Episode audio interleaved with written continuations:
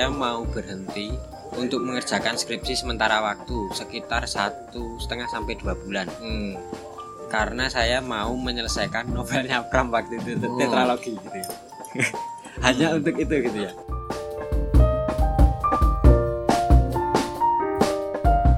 konsisten dalam satu isu dalam waktu yang cukup lama gitu kan itu menurut saya hari ini tuh menjadi privilege buat kita gitu ya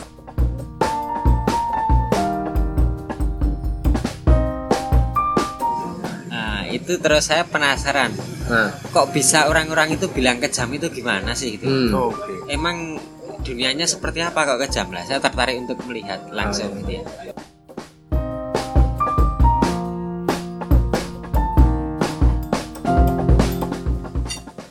Eh, halo, kembali Anda mendengarkan Akil Balik.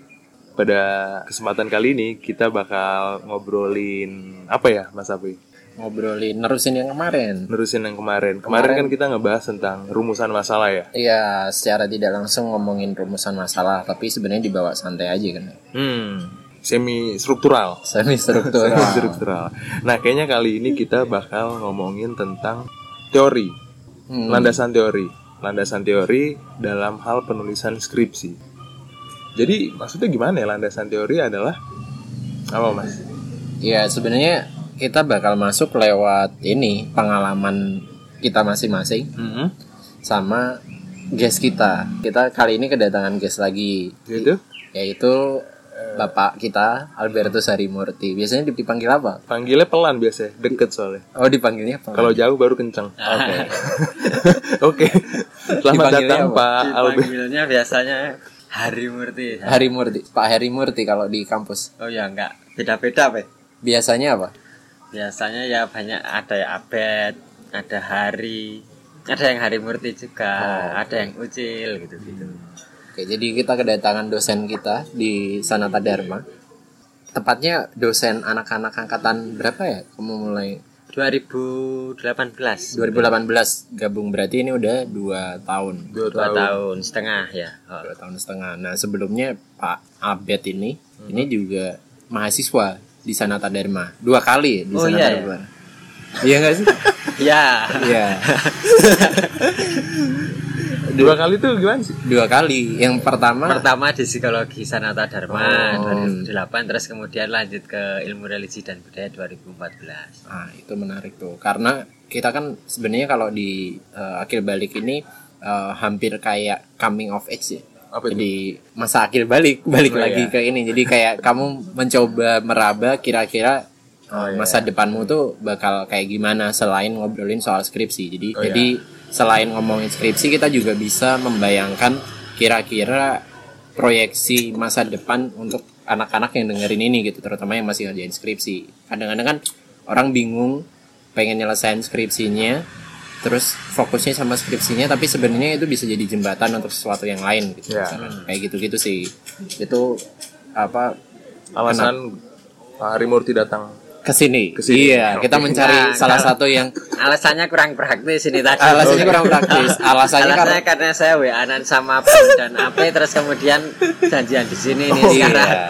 tapi tapi pem- pemilihan Pak Albert ini bukan tanpa sebab gitu. Jadi bukan tanpa Bukan sebab tanpa. bukan tanpa sebab tuh ada sebabnya gak sih? Bukan tanpa sebab berarti ada sebabnya. Nah salah satunya karena Pak Abed ini kita panggil Mas Abed aja ya biar lebih Ya. dekat gitu. Biar kelihatan lebih muda juga gitu. Mas Abed ini Maksudnya dulu kalian kelihatan lebih muda gitu atau iya bener. Mas Abed itu apa dulu kan pernah kuliah di ini psikologi. Terus habis itu ambil sesuatu yang nggak linear. Oh tapi Iya. waktu itu juga pas angkatan Mas Abed ini mengerjakan skripsi juga kah? Atau ada tugas akhir lain? Enggak, saya cuman mengerjakan tugas mingguan terus lulus itu. Oh. Ya skripsi lah kamu itu. Nanti dari dikti protes kalau nggak ada skripsi. Kirain ngumpulin baju gitu. karena yang apa belakangan ini jadinya bentuknya agak berbeda ya memang skripsi gitu tapi yang penting tuh sebenarnya seperti halnya episode akal balik sebelumnya yang disasar adalah bagaimana si uh, skema penelitian ini juga bisa membantu kita di kehidupan sehari-hari gitu Uh, di kesempatan kali ini kita bakal ngobrolin soal uh, masuk ke bagian landasan teori atau kajian pustaka gitu Hmm. kenapa ngajakin Pak Abed selain karena dia dosen gitu. Jadi cukup otoritatif lah meskipun kita nggak suka yang otoriter ya. Hmm. itu adalah untuk tanya pengalaman dia waktu uh, dia ngerjain skripsi juga gitu. Jadi Sebagai di posisi mahasiswa. sebagai mahasiswa. Jadi posisinya nggak cuman karena Pak Abed juga mengajar teori yang kemudian jadi posisinya dia mengajarkan tentang teori, tapi dia juga pernah mempelajari tentang teori itu sendiri dan memakainya dalam penelitian kan. Dan kebetulan dua penelitian dia yang di skripsi dan tesis itu judulnya menarik-menarik. Aku harus S1 nonton- psikologinya apa tuh? S1 psikologinya itu dunia eksistensial wiracarita adirima. Nah, wiracarita adirima ini aku nggak tahu nih bahasa Jawa atau bukan. Tapi itu saat dia S1 tuh. Eh, dia S1 Iya. gitu. Tapi meneliti hal itu. Meneliti tentang dunia eksistensial gitu. Itu kan kayaknya salah jurusan filsafat kan harusnya. Itu kenapa mungkin dia ambilnya habis itu ilmu religi budaya yang Heeh. di Sanata Dharma itu magisternya itu erat dengan filsafat. Jadi pengalaman spiritual apa yang didapati oleh Pak Abed ini sampai menuliskan judul seperti itu? Oh itu bukan apa ya Itu cuman buat asik-asikan aja sih Oh. sebenarnya itu. Wiracarita ini kan sebenarnya kan seperti kalau kita ngomong soal Mahabharata, Bharata Yuda Hmm. Itu kan semacam epos gitu kan Epos. Nah jadi ini saya memberi judul itu waktu itu karena menurut saya eh, subjek eh, yang eh, kemudian ya banyak saya banyak menjalin komunikasi dengan dia itu dia seperti apa ya melihat dunianya itu seperti dunia yang ya ini memang sesuatu yang hampir antara mitos dan kenyataan gitu. ya. seperti kisah besar tentang hidupnya ya gitu. Makanya terus kemudian yaitu dunia eksistensial dalam arti bagaimana dia untuk mengeksiskan diri, bagaimana dia untuk berada menghidupi hidupnya itu dengan seperti menggambarkan ini sebuah kisah atau misi besar di dalam kehidupannya gitu. Oke. Jadi sesimpel itu sebenarnya. Cuman saya sengaja mengambil kata wiracarita itu untuk memperlihatkan betapa banyak kosakata yang kita miliki, tapi ya itu jarang kita gunakan Hmm. dalam kehidupan sehari-hari. Lebih kelihatan eksklusif gitu ya. Iya, Ya. sulit dimengerti. Jadi, tapi menarik. Iya, yang bikin menarik itu apakah penelitian sebelumnya ada yang seperti itu kah atau Wah saya nggak pernah ngecek itu penelitian sebelumnya karena ah, maksudnya judul-judulnya kan. Hmm. Ya, Nah itu itu hanya karena saya itu jadi saya nggak bisa mengerjakan waktu itu nggak mungkin bisa menyelesaikan skripsi tanpa membaca novel gitu lah kira-kira. Oh, Artinya- oke. menarik. Dan apa ya novel itu benar-benar memberikan banyak kosakata baru yang tidak pernah hadir di dalam percakapan sehari-hari saya Hmm. dengan teman-teman saya gitu kan kira-kira Hmm. itu sih jadi kemudian ya banyak yang apa ya judul-judul ini sebenarnya judul yang saya rujuk mungkin dari saya nggak tahu novel apa tapi model-model pembahasannya saya berusaha untuk seperti bahasa novel gitu sih Kenapa bahasa-bahasa tongkrongan atau teman-temannya Mas Abed itu kurang bisa kayak membantu dalam penulisan waktu itu? ya bahasa tongkrongan dengan bahasa tulis kan retorikanya agak beda gitu ya Nah, retorikanya yang berbeda terutama apa, Mas? ya saya tiap hari tentu kalau ngobrol dengan siapa pun misalnya dengan orang bahkan orang dari Jakarta yang mereka nggak kerap dengan bahasa Jawa saya menggunakan bahasa Jawa. Hmm. atau dengan orang teman saya dulu ah, saya pernah ya pernah itu dalam arti waktu itu selama kuliah saya dekat dengan orang-orang dari ya Kalimantan terus kemudian mana ya? Ya Jawa Timur tapi ya nggak Jawa Timur banget gitu. Hmm. sebenarnya orang ini orang Cepu gitu ya orang Cepu tapi dia lama hidup di Jawa Timur di daerah Blitar Hmm. ya bahasanya campur-campur gitu lah nah Oke. dengan siapa pun eh, itu lebih banyak mem- memakai bahasa Jawa Hmm. dan misalnya saya dengan orang Kalimantan ini namanya Andi Hmm. dia itu nggak apa ya dia nggak keberatan saya menggunakan bahasa Jawa ya dia memakai bahasa Indonesia biasa Hmm. saya pakai bahasa Jawa eh, bukan berarti itu eksklusif tapi ya eh, saya waktu itu menyadari bahwa apa ya sebenarnya penting gitu loh untuk saling mengenal dan kesempatan Andi ketika berada di sini itu adalah kesempatan dia untuk mengenal orang-orang di sini juga artinya mengenal orang lewat bahasa gitu Iya, jadi akses terhadap novel atau membaca novel itu membantu Mas Abed untuk kemudian kayak mengganti frekuensi ber- berbahasa gitu ya. Ya, selain itu juga kan nganu kan lewat novel itu apa ya? Kalau menurut saya novel itu kaya gitu. Ya nggak semua novel tentunya, tapi uh, ketika kita membaca penokohan di dalam novel itu kita seperti belajar untuk mengenal dunia orang lian gitu ya dunia Hmm. orang lain di luar diri kita sendiri yang uh, artinya melatih sensitivitas terhadap rasa sih Oke. Aku rasa yang dimunculkan oleh si tokoh itu aku tertarik eh, karena kemudian eh, awal masuknya kenapa kemudian agak sulit nulis skripsi kalau nggak baca Hmm. novel itu menarik tuh Hmm, karena Oh ya. Kalau denger-denger ya dari teman-temannya Mas Abed ini dulu tuh angkatannya tuh lumayan ini lumayan terbagi jadi dua kubu. Jadi kubu yang ini kubu yang sangat santai gitu yang kemudian apa anak tongkrongan gitu. Oh, terus iya. habis itu satu lagi yang mungkin sangat ini ya sangat akademisi. gabung di ini kayak organisasi intrakampus gitu kayak BEM dan lain-lain gitu dan fokusnya di sana. Nah kan uh, dari guyonan beberapa teman tuh ada apa kelompok yang juga ini akses terhadap minuman-minuman yang menyenangkan kayak be- apa beralkohol itu tuh cukup tinggi ya. Jadi- Masya Allah Masya Allah. Jadi dalam artian eh, anak-anak yang santai yang hidupnya slow gitu. Terus dari lingkungan itu bagaimana kemudian eh, ada perpindahan yang da- dari teman-teman yang nongkrong terus habis itu berpindah ke sesuatu yang cenderung akademis gitu. Ada ada cerita di balik itu nggak? Kayak misalkan kenapa kemudian novel jadi jal- jalan masuk gitu. Eh, pertama yang soal kelompok itu mungkin nggak nganu ya nggak seketat yang kita bayangkan Hmm. antara ya sangat hitam putih tapi ya waktu itu juga misalnya diskusi itu ya orang misalnya sambil rokokan Heeh. terus kemudian ya waktu itu fermentasi belum ngetren gitu Oh, ya. salah. minumnya yang nggak jelas nggak jelas gitu Heeh. lah. itu juga bisa menjadi satu hal yang serius gitu ya artinya ini eh, sebenarnya lebih ke fleksibilitas sih Hmm, dalam fleksibilitas itu dalam arti begini jadi ada waktunya gojek itu sangat keterlaluan gitu ya. Ah. ya dulu nganu lah orang gojek sekarang dengan dulu tentu sangat berbeda dulu Ah. nggak terlalu sensitif gitu ya Nah, soal fisik itu nggak jadi masalah kalau sekarang kan ah, Iya. kita harus sangat sensitif harus sangat hati-hati gitu oke. ketika gojek lah waktu itu nggak jadi ya saya pikir waktu itu kebetulan saja Hmm. atau gimana atau beruntungnya saya itu berada di komunitas yang bisa sangat serius dan bisa sangat tidak serius Oh, Oke. Toleransinya tinggi berarti ya. Kalau di dalam kan Ya, kan, ya. kan orang bilang kalau lu bisa bercandain apa pun misalkan hal yang cenderung apa ya di dalam kaidah norma itu cukup sensitif, tapi Hmm. kalau di lingkaran itu bisa mem- apa ya membuat itu jadi bercanda, jadi dia jadinya toleransi terhadap itu justru malah lebih tinggi. Ya. Kalau ketika lu bisa ngejekin atau menjadikan sesuatu yang misalkan dalam tanda kutip agama, ras dan lain-lain itu sebagai bahan ejekan tapi tidak derogatif, tidak Ya. apa tidak men- kayak semacam mengecilkan atau membuat posisi yang diledek itu jadi lebih rendah. Itu sebenarnya tanda-tanda kalau toleransinya tinggi. ya ya Ah, oke.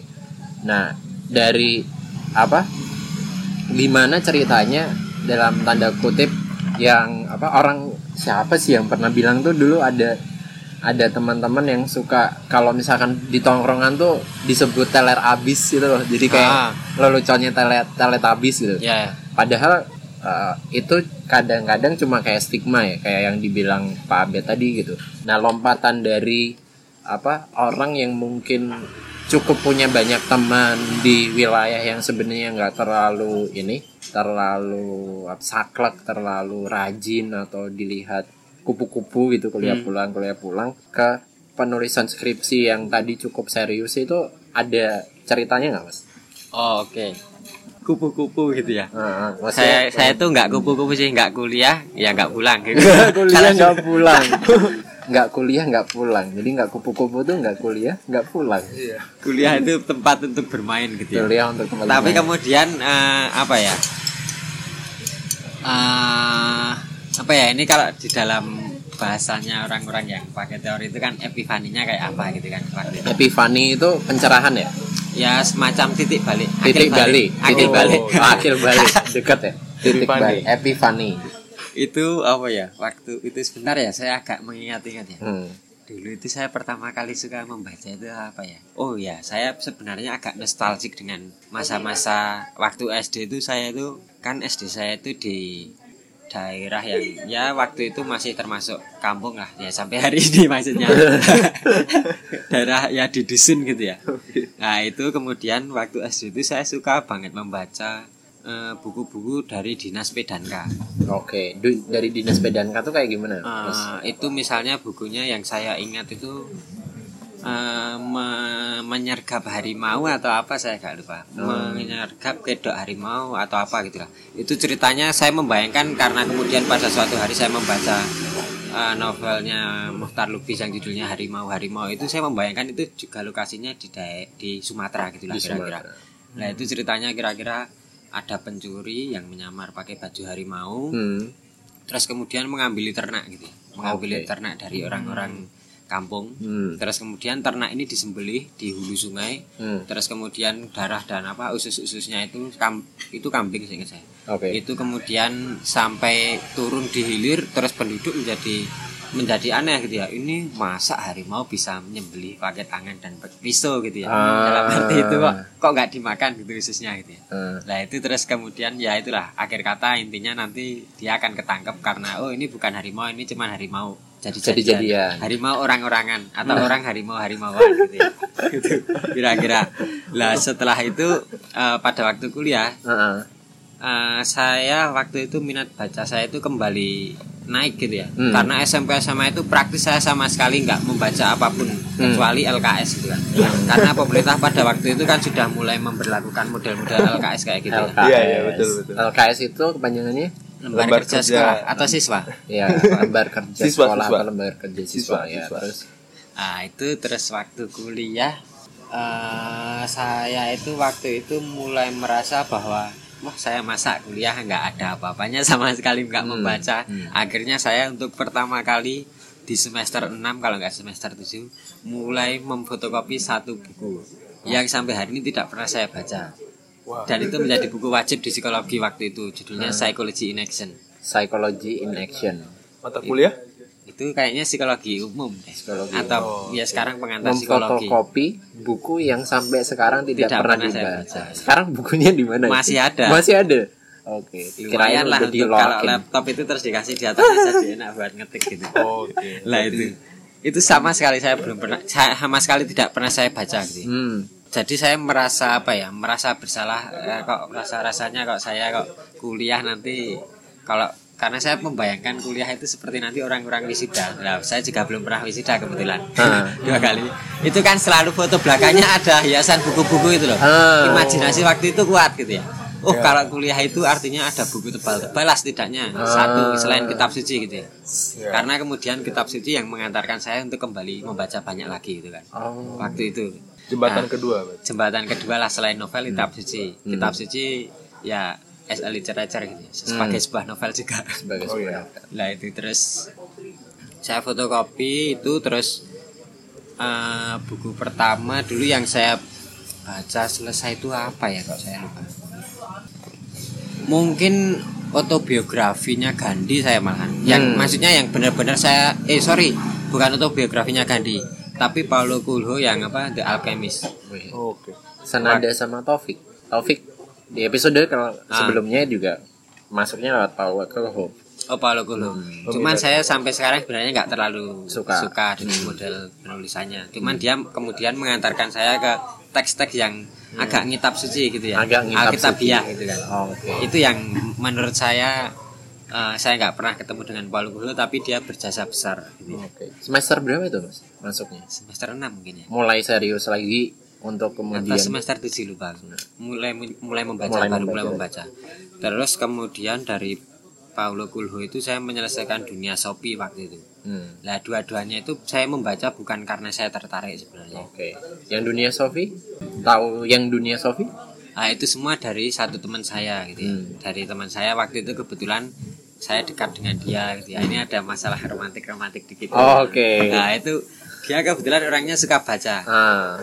Suka baca tapi kebetulan dua itu nggak tahu dia apakah membaca atau enggak cuman dia cuman bilang ke saya itu kamu kamu dibawa dulu aja bukunya oke Oh, oh, ya udah saya baca terus saya bawa saya baca Jadi bayangan saya itu bukan untuk membaca itu sendiri, tetapi ini adalah cara saya untuk apa namanya mengatasi kerinduan gitu ya. Oh, kerinduan oh, dengan gitu. orang ini ya cara saya adalah membaca buku. Kirain jadi bahan ini bakal jadi bahan obrolan kalau ketemu Ah. lagi gitu. Oh, enggak, enggak, Mencari enggak, tapi ya, prioritas ya kan. tapi dia bilang seperti itu waktu Oke. itu.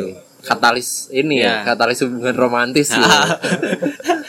itu akhirnya terus saya ya udah saya membaca lah dia itu waktu itu seingat saya jad- dia malah nggak jadi terus nggak pernah baca sementara saya terus baca terus terusan Ah. jadi membaca bukan lagi demi kerinduan untuk ah, ketemu itu Ah. tapi benar-benar membaca untuk ya kepentingan saya membaca itu sendiri gitu. Membaca jadi kerinduan itu sendiri. Ya. Ah, Oke.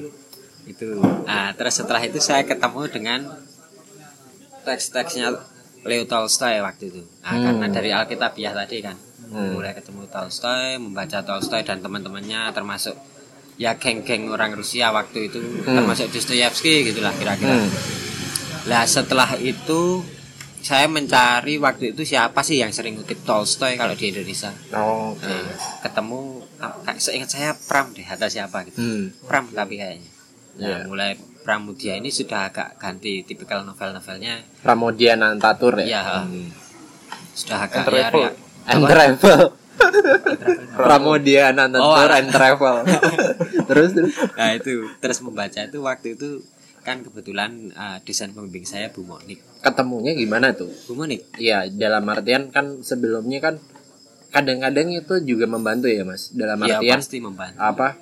Ketemu sama mentor yang Ah. pas gitu, yang kemudian bisa ya entah karakter, entah Enggak, tapi kalau dari struktur eh, mata kuliah berarti kan semester 7 tuh. Itu udah Semester tujuh. seminar apa? Saya ngulang kayaknya.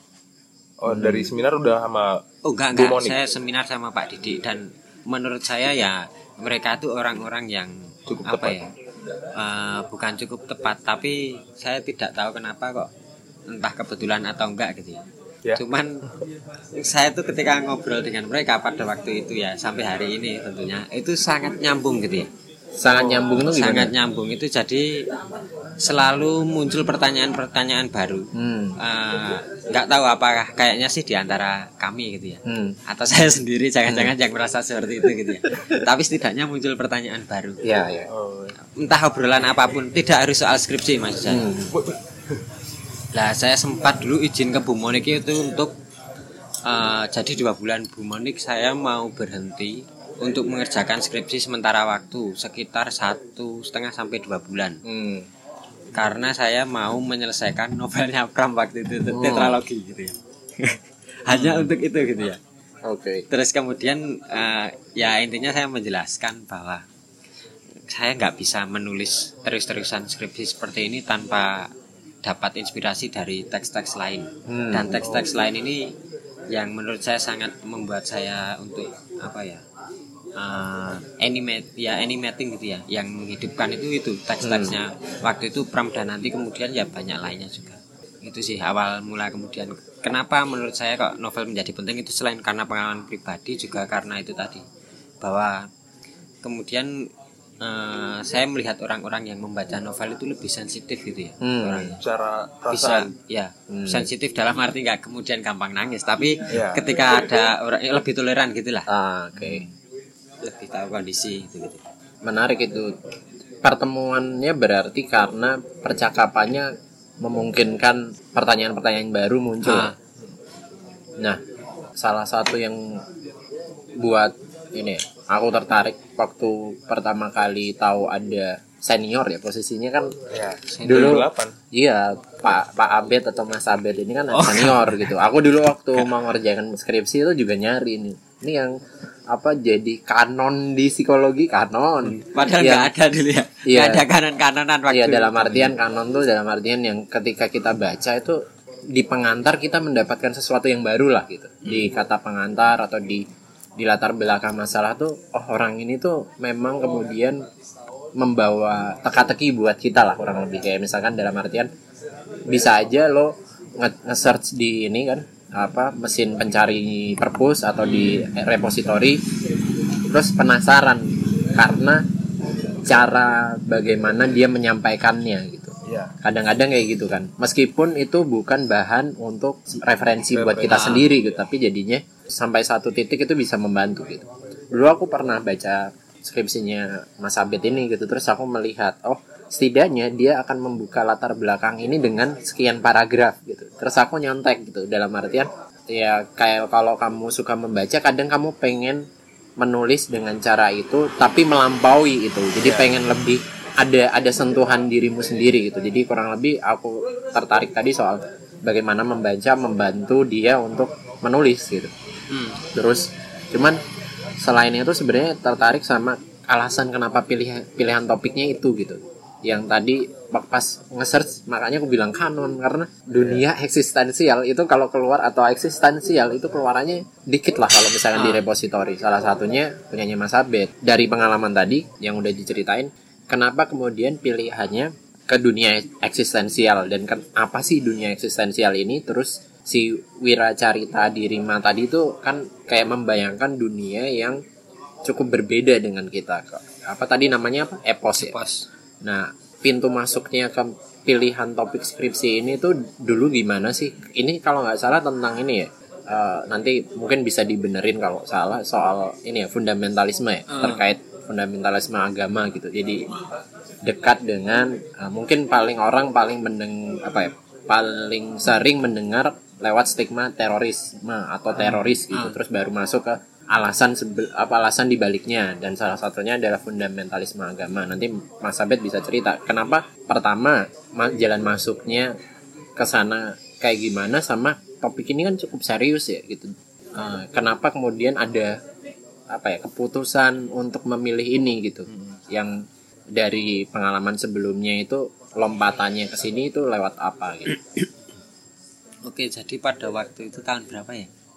Tahun 2011 mungkin saya mulai mulai ma- mulai menengok-nengok gitulah. Ah. Ya Windows shopping dulu gitu kan. Windows shopping Lah itu eh, terus waktu itu menemukan banyak kasus-kasus soal oh, fundamentalisme keagamaan gitu ya. hmm. Terma- eh, terutama Indonesia pasca Orde Baru gitu ya. Hmm.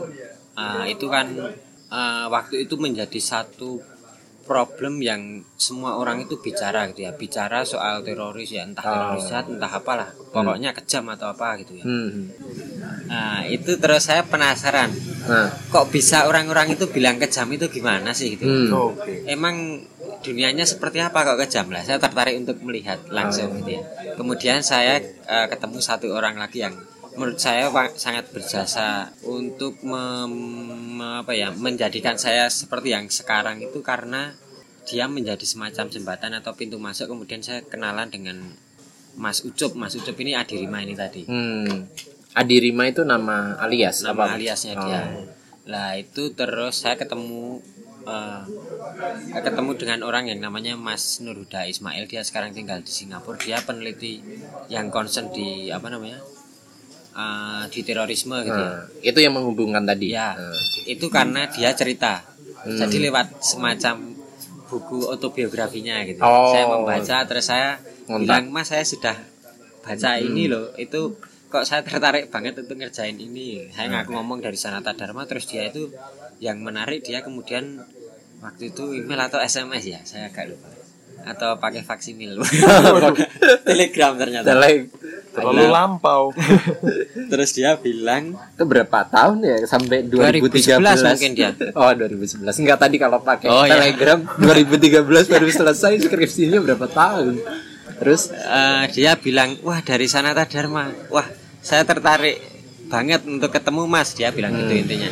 Intinya dia yang jarang-jarang dia yang dia bilang juga bilang gitu dia kemudian. yang bilang pengen ketemu Eh, eh. juga bahkan ya ya dia saya agak lupa dia bilang pengen Hmm. ketemu atau apa tapi intinya dia sangat terbuka untuk ngajak ketemuan gitu Oh, oke saya, Dan saat misalnya itu- saya mengajak ketemuan Domisilinya dia di Semarang Semarang. Semarang. Oh, Oke. Wah, jadi itu- permulaannya lewat membaca terus nyoba ngontak ya terus itu terus ya dia sangat ter- sangat membuka diri karena ya dia ngomong kaget kok ada universitas universitas yang uh, di bawah naungan ya, Yayasan Katolik. yayasan Katolik gitu ya kemudian mau meneliti soal ini ngapain sih gitu Oh, kira-kira. oke.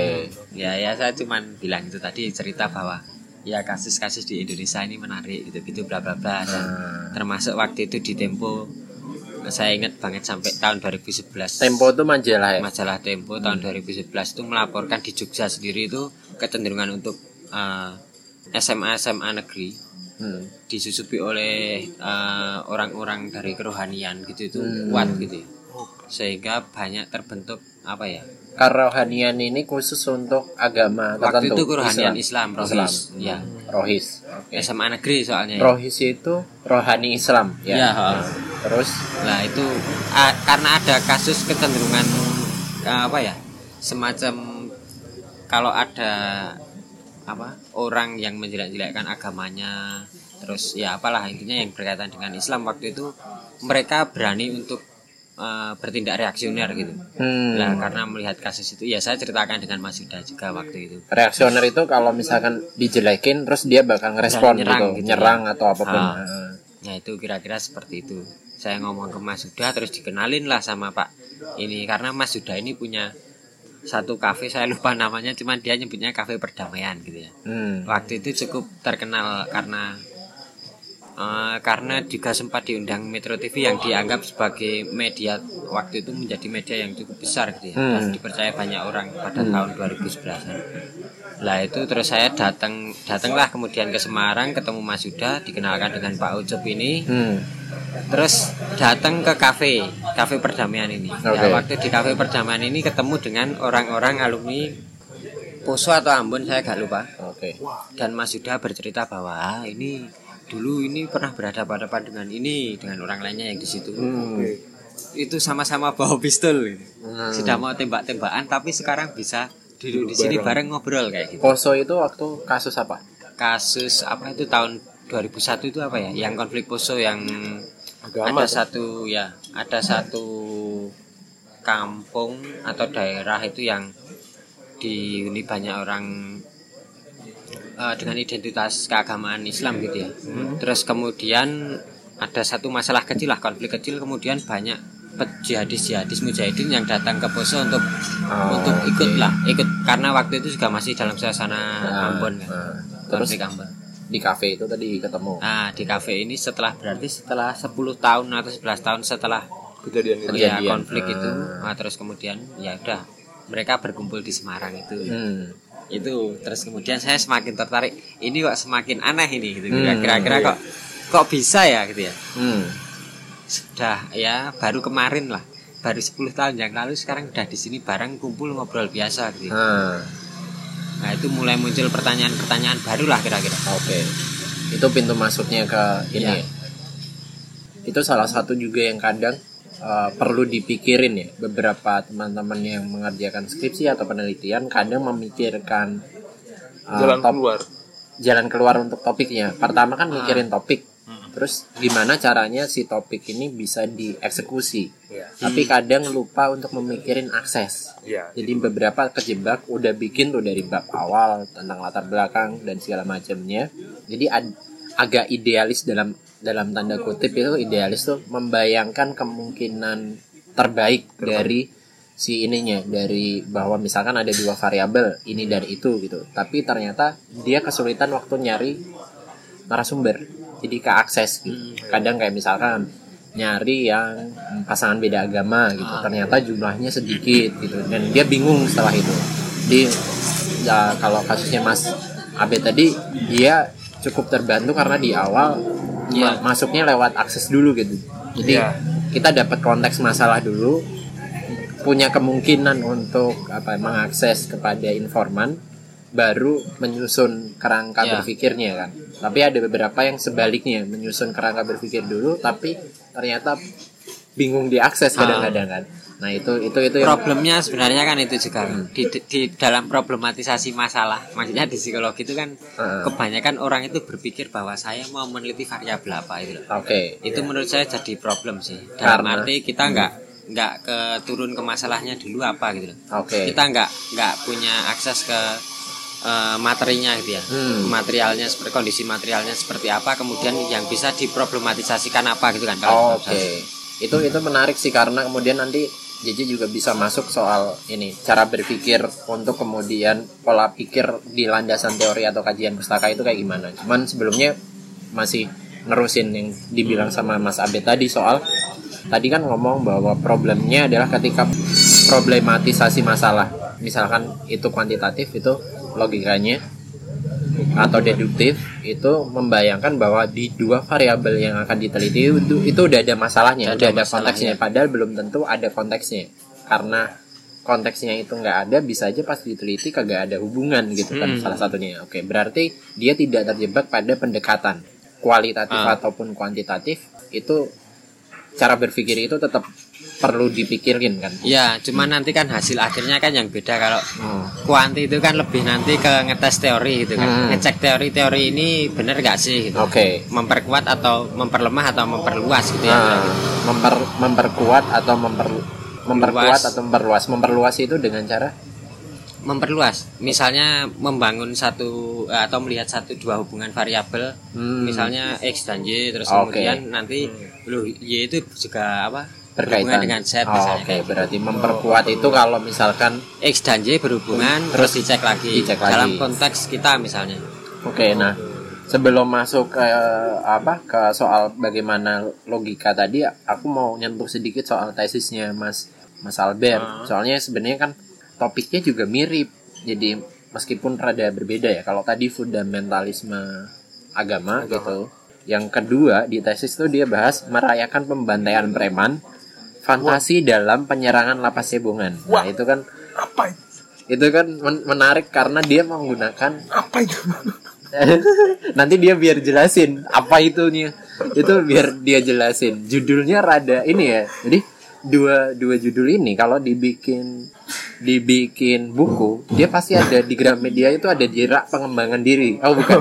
Di di rak agama kayaknya. Jadi agama sih. karena kemudian uh, Merayakan ah gimana karena ada kata merayakan. merayakan tapi Perayaan, sebenarnya iya. uh, kemudian menarik karena kemudian uh, Mas Abed mengambil topik-topik yang cukup sensitif gitu tapi bagaimana dia bisa masuk ke sana dan kenapa pilihan keduanya pilihan di tesis ini juga soal sesuatu yang cukup sensitif kita bisa dikasih tahu nggak latar belakangnya kemudian tesis ini Hmm. punya logika itu nanti kita bakal membawa ini ke bagaimana kemudian cara berpikir teoritisnya gitu Iya. ketika pengalamannya kayak gini gitu nah, Nah, yang untuk yang tesis ini masuknya lewat apa mas Nah, kalau dulu itu sebenarnya dua-duanya saya membayangkan sedang berjalan di ujung pisau gitu ya Oh, kira-kira. oke Jadi dua-duanya itu skripsi dan juga tesis ya artinya jalannya harus sangat hati-hati banget gitu. Eh, wak- ya apa ya kalau dulu saya ingat banget waktu itu masih setelah membaca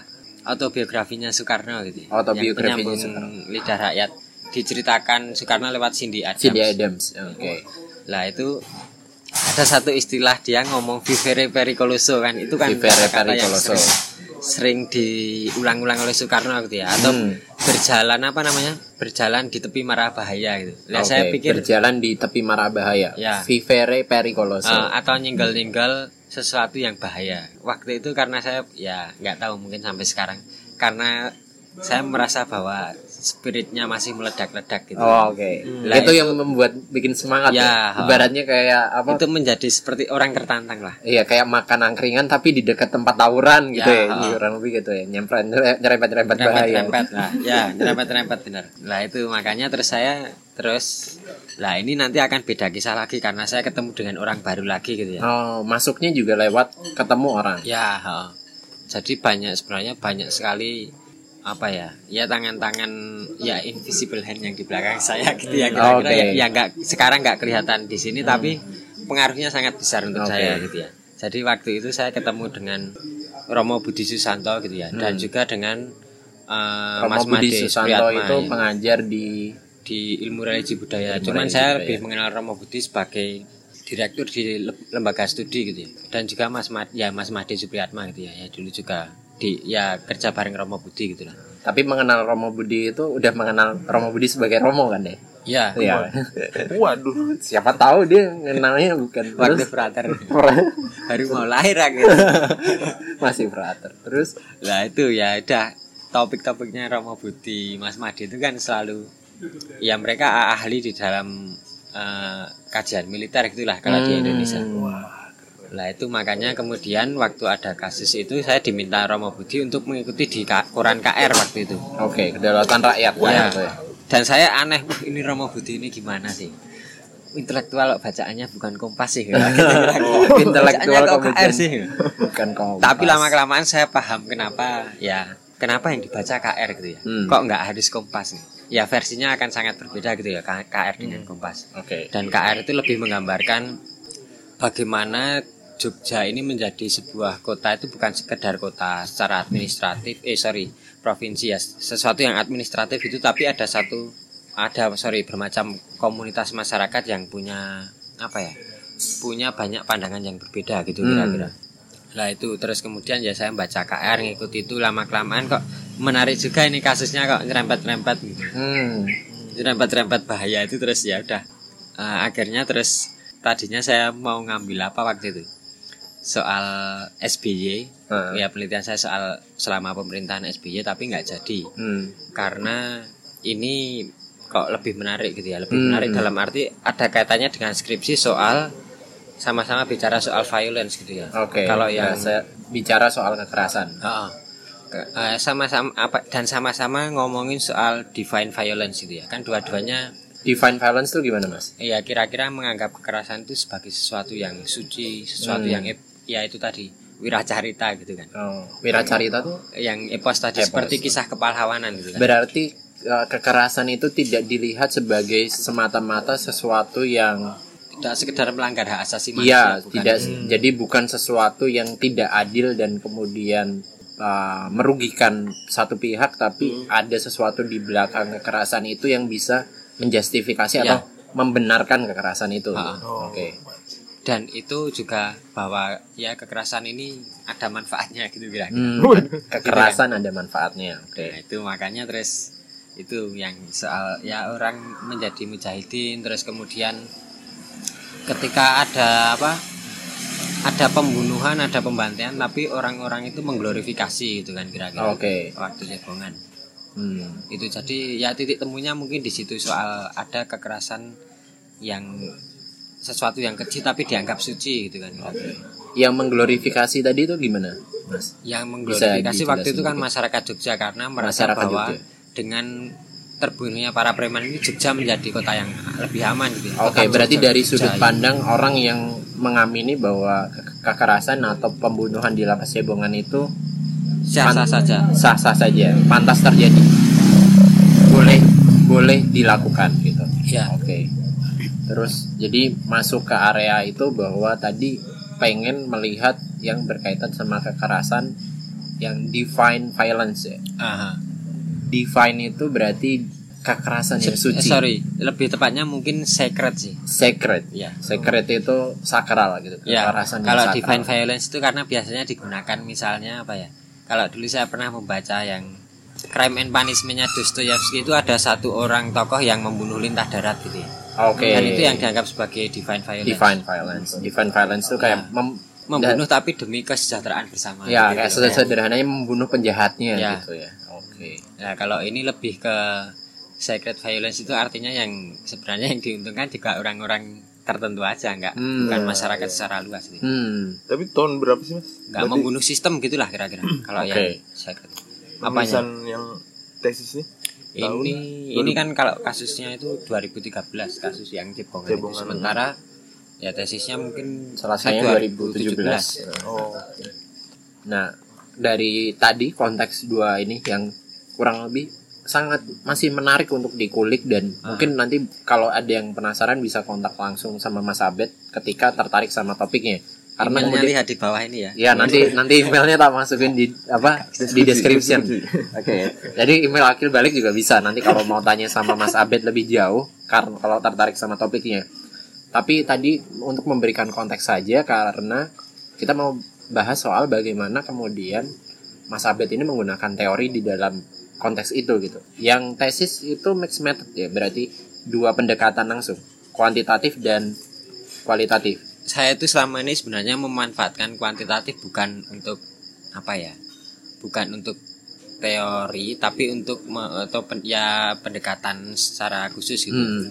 tapi lebih ke lebih ke apa ya untuk misalnya anu lah data-data statistik aja Oke, terus kemudian saya lihat misalnya oh pada tahun ini jumlah penduduk di Jogja segini, Hmm. pendatangnya segini. Karena kan isu pendatang kaitannya nanti. Hmm. Nah, terus setelah itu ada peningkatan jumlah isu penda eh jumlah pendatang gitu-gitu Hmm. sih. Jadi dia tidak tidak serta merta untuk diujikan. Enggak, kalau enggak yang di kalau yang di tesis enggak ya? Enggak. Nah, berarti pendekatannya lebih eh, di dua pendekatan ini dominannya lebih ke kualitatif Kuali. ya. Cuma nanti kita bakal bahas dua-duanya. Nanti JJ juga bisa bertanya soal yang kemarin kita diskusiin soal ini gitu. Dan ini juga sebenarnya bisa mulai diraba soal sebenarnya gimana sih pola pikir landasan teori itu gitu. Karena kan orang mikir uh, diawali dengan latar belakang. Ada suatu masalah yang mau kita lihat fenomena, terus habis itu kita mencoba merumuskan masalahnya dalam bentuk pertanyaan yang kemudian akan dicari di dalam penelitian itu gitu. Makanya kita bikin rumusan masalah. Pertanyaan itu coba dijawab dengan beberapa orang kan melihat bahwa landasan teori itu kayak untuk menjelaskan misalkan hanya untuk menjelaskan variabel atau hanya untuk nanti dipakai waktu pembahasan. Nah, Aha. sebenarnya kalau secara sederhana menurut Mas Abe tuh landasan teori itu difungsikan untuk apa sih gitu? Kayak karena ada beberapa orang yang mencoba dengan apa ya cukup setia ketika latar belakangnya A, dia akan mencoba mengaitkan bagaimana dia menulis atau mengumpulkan teori di bab 2 itu untuk menjelaskan yang A tadi Ah. gitu. meskipun tidak serta merta semuanya terjelaskan karena Ah. kemudian ada pertanyaan tadi kan nah kalau menurut Mas Abed itu sebenarnya penempatannya kayak gimana? Eh, itu jadi penempatannya itu kira-kira apa ya? Ya kita untuk melihat atau menempatkan posisi kita di ruang akademis itu ya karena di ruang akademis kan selalu ada eh, nanti eh, perdebatan soal teori ini selalu muncul gitu ya. Hmm. misalnya gini lah eh, dulu ada tesis yang mengatakan bahwa eh, saya lupa siapa yang nulis waktu itu. Eh, tapi negara kalau negara posisi negara lemah itu kemudian hmm, akan muncul eh, geng-geng atau preman-preman gitu oke itu artinya negara tidak punya kekuasaan atau nggak punya otoritas untuk mengatur preman ini gitu. Oke, negara itu berarti di dalam hal ini per- pemerintah ya dengan Pemerintah. dengan fasilitas hukum dan Ya, legal gitu. ya. terus kemudian misalnya eh, tapi masa iya sih gitu ya kira-kira Hmm. pertanyaannya apa ya benar gitu misalnya kita lihat kita lihat deh dalam konteks orde baru dan pasca orde baru Hmm. Kok ini kok dari data-data yang ditemukan ini justru para preman ini eh, waktu itu ada banyak geng gitu ya geng Berlan, pemuda Pancasila dan lain-lainnya Hmm. Eh, ya pemuda gitu ya nggak menyebut preman Oke oke. sebut saja pemuda gitu kan Sebut aja pemuda. Nah, Kelompok kok- pemuda tapi bikin satu organisasi yang Ya, dengan satu resmi. label tertentu gitu. Ah. organisasi yang disebut ya, ormas itu ya Hmm. resmi yang men- yang me- apa namanya yang kemudian yang datang adalah tokoh-tokoh pemerintahan dan Hmm. presiden gitu ya Hmm. ini kok bisa ya bisa ada kaitan seperti itu apakah ini cara pemerintah untuk menggandeng mereka Hmm. atau apa gitu ya atau mau ngomong soal apa yang lain gitu ya oh mungkin ini bisa jadi kebalikan dari teori bahwa negara lemah preman kuat gitu ya Oke. ini adalah eh, ini menunjukkan bahwa negara yang kuat itu juga harus punya preman yang kuat untuk mengatur jalannya kehidupan masyarakat gitu kira-kira. oke. Artinya butuh rezim itu butuh sesuatu yang bisa apa untuk mengendalikan misalnya eh, kalau tesisnya si siapa Joshua Barker atau siapa saya agak lupa itu bahwa energi revolusioner pada tahun 40-an 45 Hmm. itu itu masih tersisa-sisa gitu ya. Ini Oke. caranya mengorganisasikannya gimana gitu ya. Ah. Caranya adalah dengan membentuk organisasi kepemudaan gitulah Oke kira-kira. oke. Lah itu seperti itu. Artinya kemudian ada satu eh, ada satu tesis atau teori baru untuk memandang bagaimana apa namanya kaitan negara dengan preman-preman ini gitu ya. Hmm. Kalau ini yang terkait dengan tesis yang tesis saya gitu ya. Hmm. Pengerjaan tesis saya bahwa negara yang kuat itu premannya juga kuat gitu ya. Oke. Kayak gitu. Preman yang kuat itu menunjukkan bahwa negara itu punya otoritas yang kuat. Oh, preman yang kuat itu menunjukkan negara Nah. yang punya otoritas yang kuat. Lah fungsi teori itu di situ kira-kira. Artinya Oh. menjadi alat bacanya gitu ya. Oke, alat baca ya. Kita Ah. kita berhenti sejenak biar Mas Abed bisa ngerokok dan sama azan biar azannya lewat. Oh ya. Tadi, tadi terakhir kita sampai di ini. ya. Eh, Preman Mas- kuat dan Oh ya. ha. premat kuat dan negara lemah, Teori negara lemah, teori. Itu kan se- sebenarnya tesis. Tesis itu dalam artian bukan tesis untuk magister ya, tapi tesis itu statement yang dianggap benar Eh, pernyataan ya heeh. Pernyataan, klaim kan? pernyataan Hmm, lebih dekat ke klaim klaim bahwa kalau negara lemah premannya kuat gitu jadinya tapi ternyata setelah Mas Abed penelitian salah satunya dan kemudian merefleksikan ulang ternyata bisa aja preman yang kuat itu tuh jadi representasi atau jadi gejala jadi simptom yang menandakan bahwa negara itu Ah. kuat gitu. Kuat dalam hal mengakomodir preman ini hadir gitu Ah, ya dan bahkan me- me- menyediakan ruang. menyediakan ruang. Karena itu atau si membangun ruang. negaranya bisa kuat ya karena menyediakan ruang untuk preman-preman karena ini tetap ada. dianggap bahwa apa negara perlu intervensi dalam bidang keamanan. Negara perlu intervensi dalam dalam bidang keamanan. Oke menarik itu.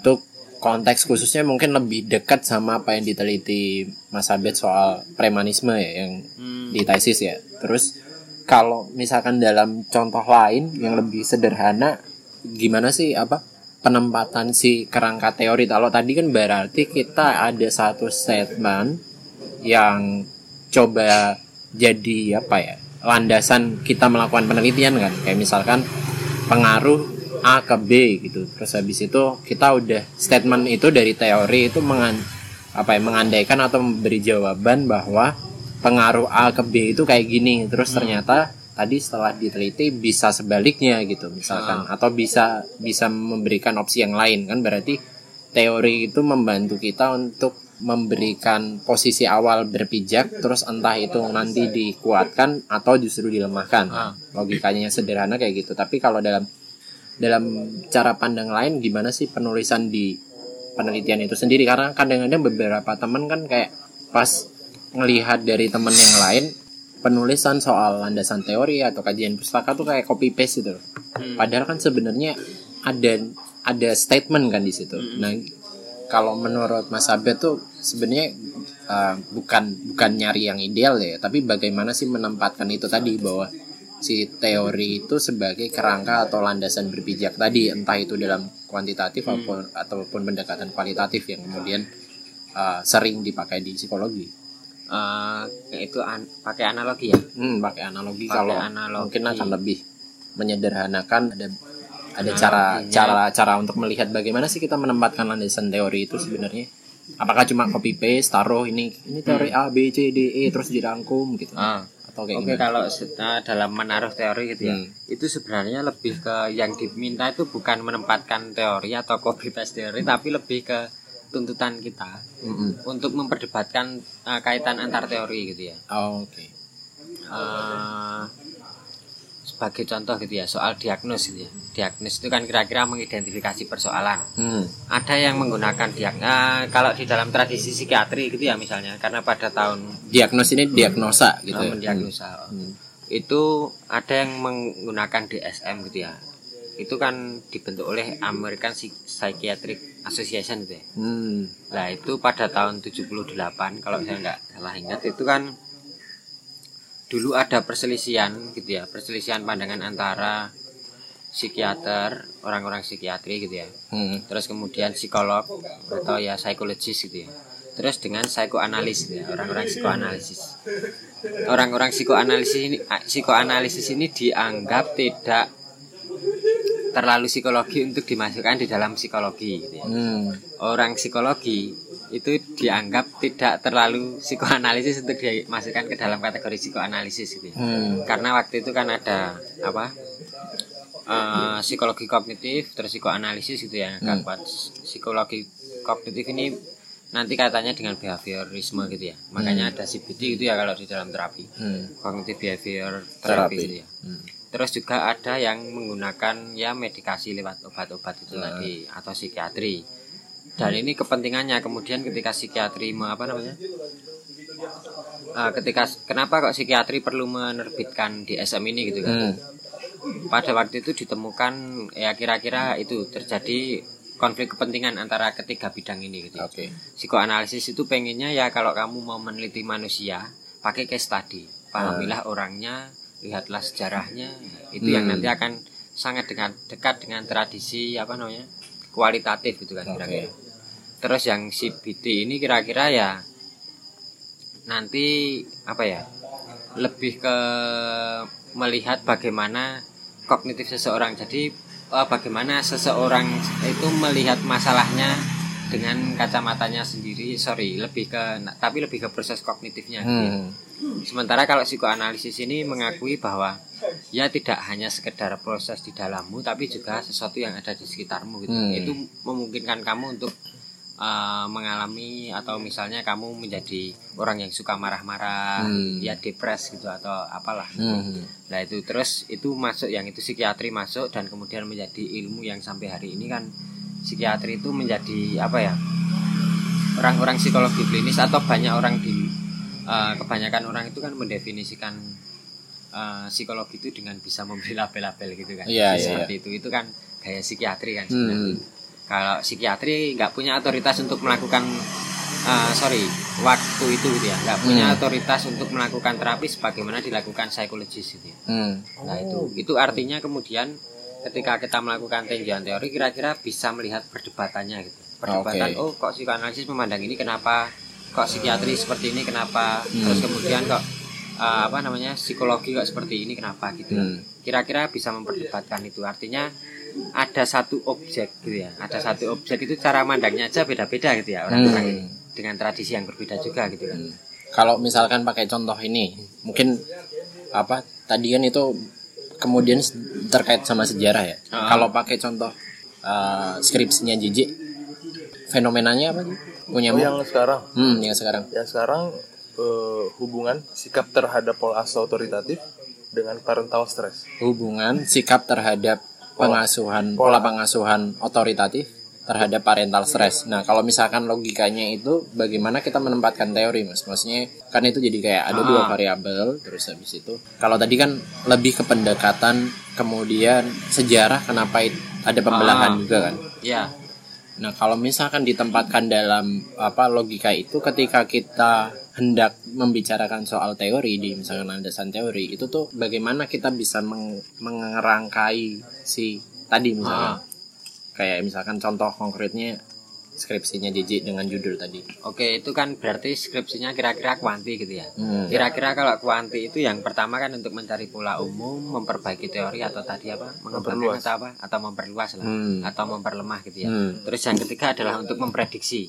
Memprediksi. Ya, tiga itu artinya kemudian kalau ditempatkan dalam kerangkanya si penelitiannya Cici itu kan nanti arahnya akan ke sana entah itu mau mencari pola umum yang antara apa tadi? Eh, Sikap sorry. terhadap pola asuh Oke, demokratis pola asuh yang otoritatif demokratis tadi dengan uh, parental stress. ya itu apakah itu terjadi eh, secara universal gitu ya artinya Hmm. di sini terjadi di- itu ada nggak penelitian sebelumnya sih Penelitian yang persis sama variabelnya Eh, nggak ada sih kalau yang persis sama.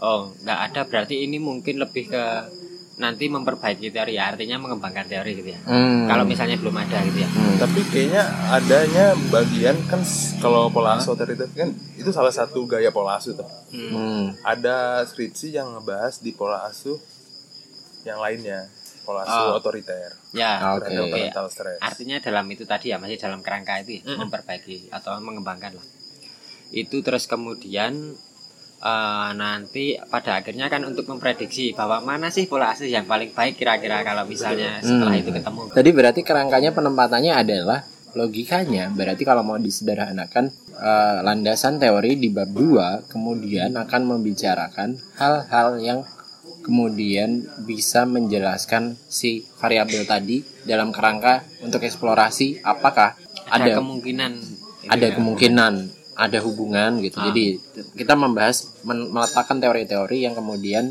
berkaitan sama dua variabel itu Ah, gitu. Cuman ini juga yang kemarin ditanyain JJ, JJ mungkin nanti bisa masuk juga. Aku lupa pertanyaan spesifiknya Hmm. JJ, tapi yang kadang tuh kalau di apa namanya penulisan itu tuh kalau cuma copy paste kayak ngecaplok Hmm. itu kan dia jadinya kayak klasifikasi. Ya. Jadi dalam artian eh, ini ada variabel A, ada variabel B. Dia mencoba teorinya menjelaskan variabel A dan variabel B, terus habis itu dinamika. Dinamika tuh keterhubungan antara si A dan B itu di teori sebelumnya ada apa enggak kan. Tapi kadang ada orang yang menulis dengan narasi. Jadi akhirnya mencoba kayak apa logikanya Mas Abe tadi bahwa teori itu dipakai untuk kerangka berpikir. Nah itu tuh ad- ada satu pendekatan yang bisa untuk membangun itu nggak sih? kemarin tuh yang akhirnya menjadi pertanyaanku eh, di skripsi A dengan eh, dengan variabel yang sama dengan skripsi B tapi dia menjelaskan di komponen atau di bagian dampak dia secara klasifikasi jadi dampak eh faktor misalnya faktor terhadap variabel ini adalah A ini B ini Ah. C ini sedangkan di skripsi B dia ngebahas hal yang sama di bagian faktor dia menggunakan narasi ah, Jadi- nggak poin-poin gitu ya Nggak poin-poin. poin-poin. Nah itu kan sebenarnya ada pembedaan antara mengkategorisasikan terus ada penjelasan sama Hmm. mencoba membangun bahwa ternyata si landasan teori itu adalah kerangka berpikir kita juga gitu. Eh, itu yang jadi masalah itu kalau pertanyaan dia apa uh, tinjauan pustaka gitu ya Hmm. itu sering kali adalah apa ya? Kenapa kok kamu menggunakan teori ini pada akhirnya? Oke, itu yang sering kali tidak bisa dijawab gitu ya? Oke. sering kali tidak bisa dijawab oleh mahasiswa. Jadi itu kecenderungannya adalah misalnya sudah mengkategori-kategori tadi itu loh. Oke. itu itu kecenderungannya biasanya cuma copy paste dari buku. Benar. ya ah itu. Nah Sementara- untuk mengantisipasi itu, untuk mengantisipasi ya kita harus melihat itu tadi eh, keterkaitan ya kronologi entah itu eh, sejarah dari misalnya kita mau meneliti apa ya? Mau meneliti soal apa tadi? Parental gitu ya Hmm. parental apa? Stres parental stress. parental stress. Artinya kan kita harus melihat stres gitu ya. Bagaimana stres itu dilihat siapa saja yang ngomong soal stres apa kaitannya satu peneliti dengan peneliti lain yang satu itu mau bertinju atau bertanding dengan teorinya siapa. Nah itu Hmm. melihat harus melihat ini melihat. Jadi ada benang merah antar teori ini dan ini saling yang berselisih siapa saja sih? Hmm. tinjauan pustaka kan isinya itu bagaimana debat teoritis ini terjadi gitu ya. Hmm. pada akhirnya menurut saya yang paling eh, masuk akal yang paling pas untuk digunakan sebagai untuk menyusun alat ukur adalah eh, teorinya yang ini. Lah itu kenapa? Itu. Hmm. itu yang Berarti penggun apa apa pun yang dibaca dan kemudian ditaruh di dalam bab 2 atau landasan teori tinjauan pustaka dan lain-lain namanya itu adalah Hmm, eh, sarana kita untuk membangun argumen. ya oh. Jadi kayak misalkan kita punya latar belakang masalah itu jadi masalahnya terus kita mengecilkan itu dalam bentuk pertanyaannya apa gitu yang menjadi rumusan masalah terus di sini kita mencoba membangun menurut beberapa penelitian sebelumnya atau teori-teori tertentu Ah, itu argumennya ini gitu yang akan mengarahkan pada misalkan kalau kuanti itu adalah hipotesanya gitu kan Ah. jadi kalau hipotesanya gini argumennya seperti apa itu yang kemudian coba dicari dalam teori dan Aha. kenapa kemudian kamu pakai teori itu untuk menguatkan argumenmu bahwa hipotesanya seperti itu gitu. ya Oke, jadi kadang beberapa teman apa ya luput melihat itu dan bingung waktu analisis karena itu salah satunya. Ah. Nah kalau untuk apa ya itu kan berarti cukup berpikir ulang alik ya mas. Jadi dalam Hmm. artian kadang orang terpecah-pecah bahwa Ah. karena logika sistem kerja aku nggak tahu ya di beberapa universitas atau memang kebanyakan universitas kerjanya sama dimulai dari bab 1, bab 2, bab 3, bab 4, bab 5 gitu. Jadi uh, metode dibahas di awal terus habis itu latar belakang di awal landasan teori di awal terus habis itu baru nanti dia mem- memikirkan siapa informannya terus ambil data atau sebar kuesioner baru dibahas. Nah gimana kita bisa membangun bahwa apa yang kita pakai di bab 2 itu bakal kepake di bab berikutnya gitu? Ah, Ke- membangun cara berpikir kesinambungan tadi gimana ya? Kayak misalkan yang dibilang Mas Abed tadi untuk bahwa itu tuh argumennya itu gitu ah, gimana caranya dia nggak kehilangan arah di akhir waktu kenapa kamu pakai teori itu atau kenapa kamu analisisnya pakai itu itu tuh gimana kalau menurut pengalaman Mas Abed Eh, kalau itu kan nanti karena setiap bab itu ada kaitan gitu ya. Oke. Misalnya kita bab 2 akan menggunakan variabel parental stress. Artinya nanti bab metodologi dalam menyusun alat ukur misalnya kuanti gitu ya. Hmm. Itu kan juga mau nggak mau harus pakai eh, teori terakhir yang akan kita kembangkan, akan kita Hmm. kritik atau Hmm. akan kita apa gitulah. Hmm. Nah, itu yang artinya tidak bisa juga ketika kita berpikir bahwa itu nggak ada kaitan antar bab gitu ya. Hmm. Karena itu pasti dipakai gitu ya hmm. pasti kalau sudah di bab satu disebut terus nanti bab 2 dikuatkan ditambahi banyak hal gitu ya Hmm. diperdebatkan terus nanti bab 3 yang menyusunnya kan alat ukur ini artinya Hmm. terus nanti di bab 4 diukur misalnya apa ya kalau berhasil ya udah itu menguatkan gitu ya Hmm. kalau mis eh, sorry bukan berhasil tapi kalau misalnya kemudian ada hubungan itu menguatkan tapi ketika tidak ada lah ini adalah sebenarnya kesempatan kita untuk memberikan kira-kira semacam saran gitu ya Oke. atau penelitian selanjutnya future directionnya kayak apa gitu kan Berarti ketika beberapa teman menemui kegagalan itu sebenarnya malah jadi potensi. itu ya? menjadi ya Karena beberapa orang kan bingung begitu Ah. hipotesanya ditolak gitu. ah, Oke, berarti meskipun dia tidak sesuai teori yang dipakai di bab 2, Hmm. itu kita nggak perlu khawatir gitu Ya. dalam tanda kutip. Karena sebenarnya kalau tadi udah mikirin bahwa ada hubungan dari bab 2 sampai analisis nanti itu saling berkait, jadi nanti pasti ada jalan keluar dari Aha. apa yang nggak dibahas di bab 2 kan. Hmm. Kurang lebih kayak gitu ya. Ya. Jadi jadi, jadi tidak perlu saran. khawatir kalau tidak perlu khawatir. Oke, kalau kalau jadi itu malah membuka jalan yang lebih luas kan bisa Hmm, jadi. Karena beberapa teman kan misalkan hipotesanya ditolak, dia kebingungan untuk menawarkan pembahasan. Ah. Kamu ada ini J, apa ya, kalau yang ku bingungin sih sebenarnya apa ya di beberapa skripsi akhirnya aku baca kayak komponen bab 2 tuh sebenarnya ada hal yang benar-benar saklek gak sih kayak definisi variabel ini Ya. faktor variabel ini aspek variabel ini itu ada komponen yang benar-benar saklek atau soalnya di beberapa skripsi misalnya di skripsi A dia ngebahas di landasan teori itu yaitu definisi faktor dampak cuma tiga hal itu tapi Hmm. di skripsi lain di variabel yang sama dia menambahkan aspek di bagian bab 2 nya Ah. jadi komponen aspek bab kalau aspek itu kan nantinya kepentingannya untuk membuat membuat alat ukur kan sebenarnya lebih ke sana Ya. untuk pengukuran sementara kalau definisi itu kan kita kira-kira ketika punya suatu pengalaman tertentu kita butuh untuk naming gitu kan Oh, lah ini benar. sebenarnya hanya untuk kepentingan naming itu aja sih untuk Oh, membatasi oke. ketika saya ngomong soal parental stress ini loh maksud saya gitu sih kayak yang episode sebelumnya yang lo kasih nama Iya, untuk nama. kemudian identifikasi masalahnya apa Ah, iya. dan ngasih kerangka ini yang akan dibahas gitu ya. Mm. ya makanya bab 1 dan 2 itu kan nggak bisa ya semua bab nggak bisa dilepas. Lepaskan satu persatu. sama itu juga sih eh, dapat insight juga dari dosen pembimbing kayak sebenarnya udah ada alat ukurnya nih Ah, terus misalnya kebetulan aku sendiri kebingungan untuk menuliskan aspek karena Hmm. dari beberapa sumber tidak menaruh atau ya tidak menaruh penjelasan terhadap aspek aspek gitu ya. dan membagi secara jelas gitu kan tapi eh, diajak untuk mengganti pola pikir yaitu kalau udah ada alat ukur ya kita bisa ngambil aspek dari alat ukur itu Ya. jadi menjelaskan item itu seperti apa Aha. akhirnya menjadi aspek di bab 2 ya ha. jadi ada pola pikir yang dibalik gitu loh jadi tidak dari bab 2 ke alat ukur tapi kalau udah ada alat ukur ya kita bisa mengambil item-item itu menjadi Hmm. aspek gitu Ter- tapi tergantung juga kan itu Mm-mm. tergantung maksudnya teori kontemporernya seperti apa itu Oke. kalau misalnya Teori kontemporer itu kayak gimana? misalnya aspeknya ada satu penelitian lain gitu ya Eh, yang ya kamu udah dapat aspeknya nih Hmm. tapi ada penelitian lain yang tidak kalau yang tadi aspeknya cuma tiga yang sekarang ini ada lima loh kayak gitu Hmm. ah, iya. Nah itu kan artinya kita butuh mempertimbangkan terus mau pakai yang mana nih itu yang Oke. paling vital kalau menurut saya untuk bab 2 gitu ya. Oke.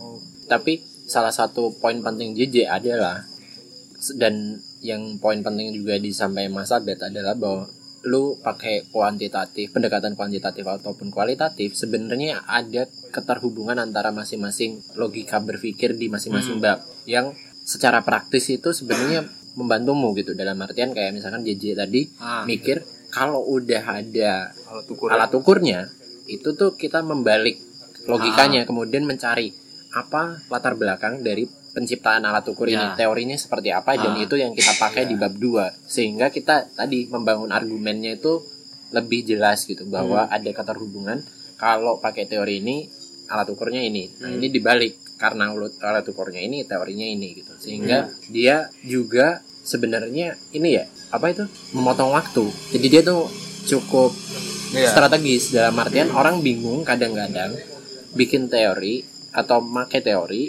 nggak ada alat ukurnya kalau di Hmm. dalam pendekatan kuantitatif. Terus habis itu dia harus entah menerjemahkan atau membikin terus harus dibikin reliable. Dalam artian Iya. harus di tryout dulu Tryout baru kemudian dapat ini Item alat apa. ukurnya itemnya apa baru nanti bisa dipakai nah cara berpikir yang ditawarkan Gigi tadi justru mem- memudahkan itu ya ini ini salah satu uh, ini sih uh, life hacks atau Iya. research hacks yang kalau lu apa penelitiannya ada pressure waktu cara Ya, berpikirnya oh. dibalik gitu jadinya jadi dan cara berpikir ter- dibalik itu bukan berarti lu mecah-mecah bahwa ad- ada memang ada keterhubungan antar antar bab yang kemudian itu yang perlu dibangun dan akan memudahkanmu ketika bikin penelitian gitu. Betul. Hmm, menarik sih itu Ke- apa uh, insight. iya. Eh, artinya ini kan kemudian tapi kita berpikir dalam kerangka apa eh, mencari pola umum kan sebenarnya. Ya, iya.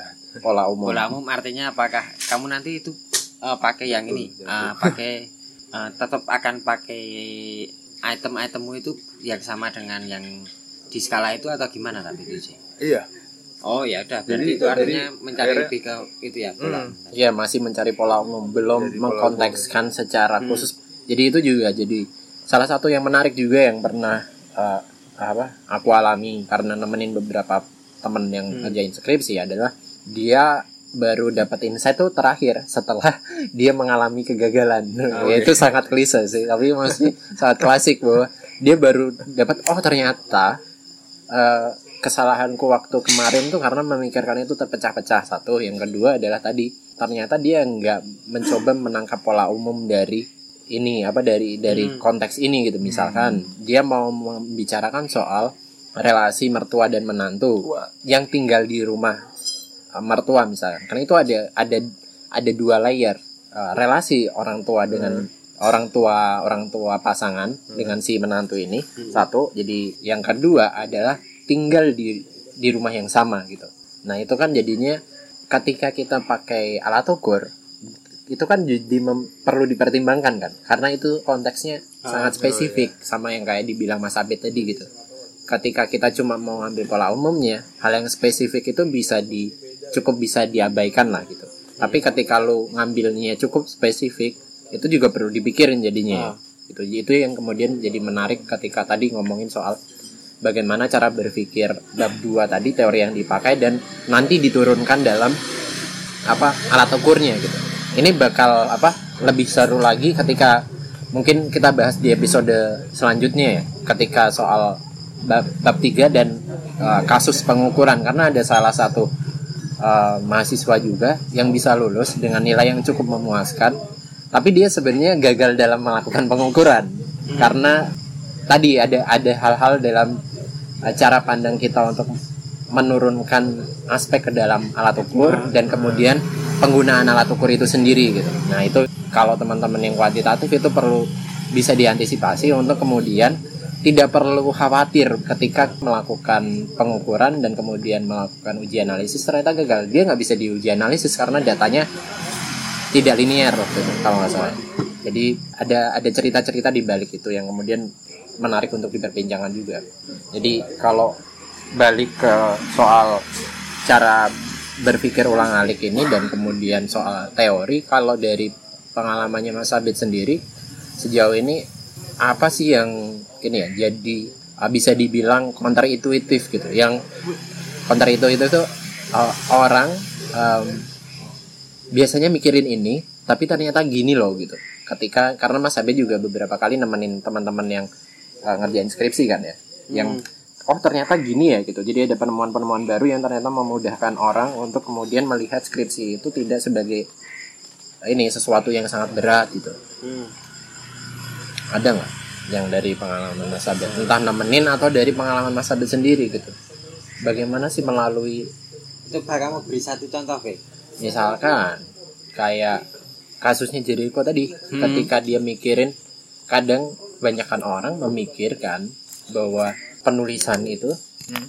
itu A sampai Z itu harus urut kayak masak Eh, apa namanya prosedural jadi bab 1, bab 2, bab 3, bab 4, bab 5 Hmm. Nah, sebenarnya kan kalau yang salah satu yang menarik dari apa yang diceritain jadi kok kita bisa berpikir dari sebaliknya. Jadi Hmm. bab 1, bab 2, bab li, bab 4 dulu gitu atau bab 5 dulu memikirkan itu baru dicari di bab 3-nya gitu. Ah. Nah, itu kan counterintuitif. Orang biasanya mikir prosedural A B C D baru ini dari A B terus E dulu baru dipikirin oh harusnya C D gitu Hmm. supaya itu jadi apa lengkap dan mudah atau argumen kita jadi lebih solid gitu misalkan dalam kasus-kasus yang diceritain teman-teman ada nggak yang mereka biasanya mikir kayak gini terus ternyata sebenarnya tuh bisa gini loh gitu Hmm. ada ada yang gitu ya itu itu paling mudah kan bab satu udah lah lanjut dulu aja nanti Hmm. terus setelah selesai bab lima balik bab satu kan gitu gitu kan Hmm. sebenarnya Hmm. maksudnya kita nggak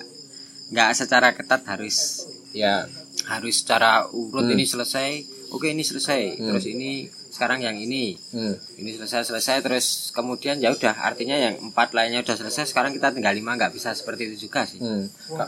Dan persoalannya juga kalau yang kalau menurutku yang soal skala tadi kan kita nggak bisa apa ya belum tentu kita kemudian langsung menemukan aspeknya dalam arti eh, kita harus mempertimbangkan terlebih dahulu kemudian kenapa kok yang dipilih skala itu gitu, gitu loh Hmm. artinya perdebatannya emang apa apakah sampai hari ini belum ada kesepakatan bahwa oh aspek yang digunakan si misalnya nganulah pakai contoh back depression inventory gitu ya misalnya Hmm. oh dalam perdebatan tes inventory ini Hmm. ini masih saling ma- masih terus diperdebatkan apakah ini tes ini masih relevan hari ini atau enggak Nah, itu kan Hmm. ha- yang harus kita cek Oke. artinya bisa jadi eh, cara itu bagi sebagian teori juga nggak nggak nganu sih nggak nggak relevan gitu ya. Kalau dari pengalaman konkret teman-teman yang ngerjain yang kayak tadi kayak tempat jagoan jadi itu salah satu pengalaman Hmm. contohnya bahwa ngerjain itu tidak harus ya ini pas stage gitu A B C terus D gitu tapi bisa dibalik. Ada ada pengalaman lain nggak soal? Pengalaman itu kayaknya kok nggak nganu aku. Nggak terlalu. belum menemukan. Sebenarnya aku tanyain ini karena menarik bagaimana Mas Abe tadi waktu kita rehat sejenak juga cerita ada satu trivia yang menarik gitu. Dia cerita yang yang ini kuis. soal- kuis ini kan beberapa teman-teman ini ketika di tengah pandemi ini tuh banyak diberi tugas gitu. Terus beberapa overload tugasnya gitu. Terus tadi Mas Abe tuh mencoba mencari cara menghadirkan tugas yang nggak nggak terlampau ini ya nggak terlampau berat atau nggak terlampau apa? kayak mikir Strict. harus teoritis banget Oh, gitu. iya. tapi sebenarnya menggunakan cara pandang teori itu dalam kehidupan sehari-hari tadi cerita soal uh, Ini. analisis lagu Kunto Aji Heeh. Nah, itu bisa diceritain nggak mas? Uh, awalnya kenapa bikin kuis buat mahasiswa kayak gitu, sama hasil-hasil yang didapat dari itu tuh apa sih yang menarik dari itu dan bagaimana kita bisa pakai kerangka tadi teori atau anali- metode analisis itu dalam kerangka sehari-hari sehingga ketika kita nulis juga kayak kata Mas Abed di awal bisa mudah ngatur frekuensinya dari baca novel ke nulis. Nah ini dari mungkin mendengarkan lagu atau dari sesuatu yang lain kan, kan menulis dan itu sebenarnya apa ya mengasah kita untuk memakai teori ya. itu sebenarnya nggak menurut saya nggak nggak malah nggak mudah itu soal Nggak yang paling mudah. sulit malah itu menurut saya ya Paling sulit justru Iya. adalah mengaplikasikan teori dalam kehidupan ya sehari-hari. karena kita Oke. harus menarik diri gitu ya Oke, menarik Karena- diri itu gimana? menarik diri dari pengalaman kita mendengarkan Oh, oke. musik gitu kan Hmm. itu kan tadinya musik sebagai fungsi hiburan kemudian menjadi musik sebagai literasi gitu ya Oke. Lah itu kadang yang agak sulit sih. Kalau Hmm. menurut saya malah apa ya? Karena ya bayangkan sekarang coba menganalisis musiknya Kunto Aji dengan pendekatan uh, konstruksionisme sosial misalnya soal Oke, yang kemarin saya berikan. konstruksionisme sosial itu gimana? Mas? Iya, itu Secara singkat. kira-kira bahwa entah pengalaman atau entah apa konsep yang kita kita gunakan di dalam keseharian ruang kelas itu kemudian itu dibangun dari satu apa ya satu hal yang berada muncul dari masyarakat gitu ya Oke. dikonstruksi uh, oleh dunia sosial gitu Oh, kira-kira itu kayak misalkan contohnya uh, cowok kencing berdiri, cewek kencing duduk atau Ya, jongkok gitu. ah. Oke, Itu itu lah, kon- it- itu itu salah satu Konstruksi. konstruksi sosial. ya Nah, konstru- konstruksionisme sosial adalah satu teori atau satu cara pandang tertentu untuk melihat Hmm. hal-hal yang kayaknya normal ini Hmm. sebenarnya dikonstruksi lewat norma gitu misalkan. Terus yang Ah, terus itu tadi ya kan itu salah satu semacam prasyaratnya untuk melakukan analisis konstruksionisme sosial itu kan kita harus melihat kondisi materinya gitu materialnya gitu ya kondisi material tuh kayak gimana, Mas? kondisi material itu ya in- intinya produksi atau ya relasi dalam kehidupan sehari-hari jadi misalnya Kunto Aji ini misalnya gini pertanyaannya adalah kenapa kok Kunto Aji ini bisa menjadi eh, satu musik yang begitu ngetren hari ini gitu ya. Oh, oke. sementara kok topiknya ya topik Nah. yang diangkat kan eh, kalau dari yang dia sampaikan kan sebagian besar mengatakan bahwa dia mengangkat mental health dan Hmm. overthinker gitu ya overthinker ya atau ya soal overthinking gitulah Iya. nah itu kenapa kok isu ini yang diangkat kok hari ini gitu ya kok nggak Hmm. tahun 2005 misalnya Oke. nah itu kan harus kita harus menganalisis itu dulu Oh, oke. artinya saya yang saya maksud kenapa soal ini sebenarnya lebih susah dari soal-soal yang lainnya itu karena itu gitu ya Hmm. Oke. karena kita harus mencari tahu kenapa kok isu mental health itu hari ini menjadi isu yang laku gitu ya Hmm. itu kan kita nggak bisa cuman melihat bahwa oh di Indonesia orang itu eh, sekarang banyak yang apa ya mengalami eh, lap- laporan soal depresi itu meningkat Oke. atau yang apa ya riset riset kesehatan dasar melaporkan bahwa ada kecenderungan peningkatan depresi gitu ya dari tahun ke tahun Hmm. tapi kita bahkan bisa melihat itu sejak awal abad ke-20 gitu ya Hmm. sebetulnya ya Oke. karena awal abad ke-20 itu kan sudah mulai ada tren-tren untuk psikolo- psikologisasi kehidupan sehari-hari gitu ya. Nah, Artinya psikologisasi kehidupan sehari-hari. banyak term-term yang itu term yang sangat psikologis gitu ya, Hmm, sang- hmm. sangat psikiatris gitu ya. Yang biasa dipakai psikiater gitu ya. Hmm. Itu kemudian mulai digunakan secara populer gitu ya, Hmm. untuk menyebut bahwa saya ya itu wah orang itu mengalami trauma, orang ini introvert, orang ini ekstrovert kayak gitu lah. Hmm. Lah itu uh, berfokus ke situ Iya, gitu. iya, Oke. Kira-kira seperti itu kalau ya mi- itu kan maksud saya itu bukan hal yang mudah itu bisa Oke. menjadi bahkan eh, untuk kelas disertasi pun bisa gitu. Oh, Oke, berarti justru pengaplikasian teori itu eh, bukan serta merta hal yang mudah kalau diaplikasikan ke kehidupan Iya. sehari-hari gitu. Ketika kita mempertanyakan hal-hal yang normal di sekitar Iya. kita gitu. Oke, jadi eh, berarti cara mempertajam kita untuk berpikir dan kemudian kadang-kadang itu kayak pindah frekuensi ya Hmm. berpikir untuk menulis skripsi dan berpikir biasa itu kan apa ada kaidahnya Ah. ada ada ada cara-caranya salah satu untuk apa eh, kayak berlatih itu adalah memikirkan apa yang biasanya kita anggap sebagai sesuatu yang normal kemudian kita kasih tanda tanya kita pertanyakan untuk cari tahu kenapa ini jadi kayak gini gitu Ya. oke Ya itu gaya berpikir etnografis kan sebenarnya. Iya, membuat yang apa namanya? Membuat sesuatu yang familiar menjadi aneh dan yang aneh menjadi familiar gitu. kira-kira. yang yang familiar menjadi aneh yang aneh jadi familiar Ya, yang aneh jadi familiar itu misalnya kalau di dalam psikologi penelitian so yang dilakukan Moscovici gitu ya. Moscovici itu kan orang Prancis yang meneliti kira-kira namanya nama penyanyi Sergei Moscovici Ah. terus eh, dia meneliti soal benar gak sih kira-kira minoritas itu nggak punya pengaruh terhadap mayoritas gitu ya. Hmm. Misalnya kita bicara dalam konteks sekarang isu pelecehan seksual gitu. ya. Hmm. Itu kan dulu 2008 kan mulai ada Me Too movement gitu ya. Hmm. Yang kemudian movement itu gerakan yang gerakan kemudian- yang ya pokoknya bahwa saya eh, apa ya paling mudah gini lah saya menjadi seorang korban pelecehan gitu ya, Ah. atau penyintas pelecehan terus kemudian orang-orang mulai bercerita kepada saya lupa siapa namanya itu Ah. si pakai T tapi lupa Oke. nah itu eh, Mbak T ini Nah, terus itu terus banyak orang yang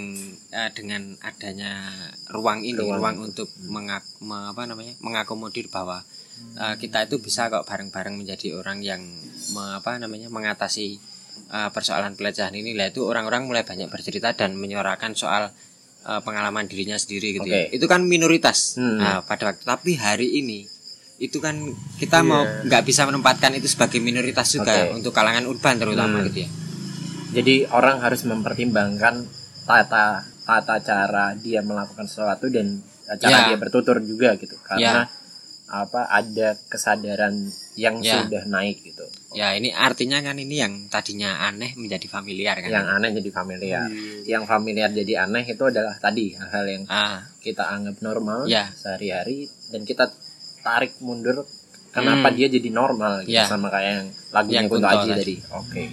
Berarti uji coba itu bisa dilakukan juga untuk ya, bagaimana kita kemudian pindah frekuensi gitu ibaratnya dari ah, cara berpikir apa da- tune in dari sesuatu yang normal ke sesuatu yang Aneh. apa aneh tapi sebenarnya bisa dijelaskan dalam artian kita mempertanyakan dengan logika saintifik tadi menguji hal-hal yang sebenarnya dianggap normal tapi sebenarnya ya itu normal itu hadir karena konstruksi gitu. Ya Oke, itu oke. paling itu atau kalau contohnya dari orang-orang ekologi itu biasanya ngomong soal itulah. ekologi ya. Hmm. orang ada nggak kaitan kita orang di Indonesia dengan banjir besar yang terjadi di mana namanya itu di, di Peru atau di mana ya Oh, atau Peru, Chile Peru. lupa Iya. atau Chile lah itu ada nggak gitu orang kan mulai diajak berpikir wah memang ada jauh banget gitu Iya. kita kan di hemisfer yang berbeda meskipun sama-sama negara di belahan bumi selatan tapi kan jauh banget gitu. Nah, Nah, orang ekologi biasanya terus ya kira-kira ngomong ya ada gitu. nah. Wah, Anda memakai parfum apa gitu ditanya. Ah. Oh, saya pakai parfumnya ini apa itu? Ya, X. parfum itu atau apa gitu kan. lah itu kan yang dihasilkan dari semprotan itu kan yang kemudian turut serta berkontribusi dalam menciptakan gas-gas karbon gitu kan. Oke. Nah, itu ketika ini kita jadi hal kecil hanya menyemprot itu aja bisa jadi itu menambah lubang ozon gitu kan. Artinya kita itu juga punya Andil. Ah ya interrelationship atau inter ah, ya interconnected dengan yang di sana gitu. Oke. menarik. Itu kan dari hal yang familiar jadi aneh juga kan. Hmm. Oke, jadi se- kita perlu cukup memperhatikan sesuatu yang aneh, terus mem- mempertanyakannya untuk kemudian melihat bagaimana itu jadi familiar, Hmm. sama mempertanyakan yang familiar gitu. Jadi membuat aneh yang familiar gitu. Kayak kenapa sih ini jadi normal, kenapa ini jadi familiar? Gitu. Menarik. Berarti dua kerangka itu. Apa tadi? J? eh nggak tahu. membuat familiar yang aneh dan membuat aneh yang familiar.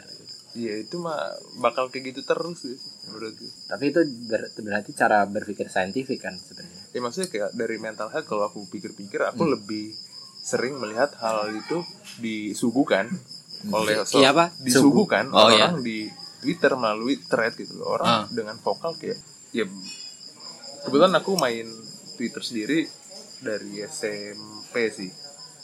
Eh dulu suan di Twitter ya, aku lupa sih kayak belum ada tweet juga, belum ada istilah quote tweet terus dipanjang-panjangin itu kayak belum ada. Terus ya iklim Twitter ya kebanyakan orang-orang random yang kayak eh, jomblo-jombloan, terus kayak ditinggal pacar, zamannya ada akun yang cukup terkenal itu kan. Terus kayak aku cukup intens main Twitter terus sampai akhirnya booming lagi Hmm. eh, di 2018an orang-orang akhirnya kayak comeback gitulah main Twitter lagi ya. Hmm.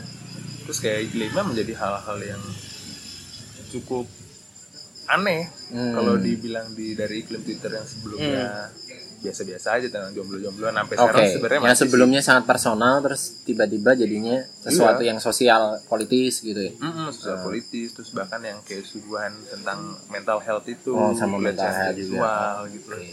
itu yang menjadi aneh aja sih self diagnose Tapi kamu membaca perpindahan itu kan sama Ah, aja kan jadi membuat yang tiba-tiba familiar ini menjadi aneh karena Ah, kamu merasa sebelumnya nggak kayak gini kenapa sekarang kayak gitu gitu. Heeh. dan mungkin kayak kalau aku tarik kayak ada suatu hal menyenangkan ketika akun itu menjadi viral karena viral ini Hmm. menjadi sebuah achievement bagi beberapa orang gitu. Oke.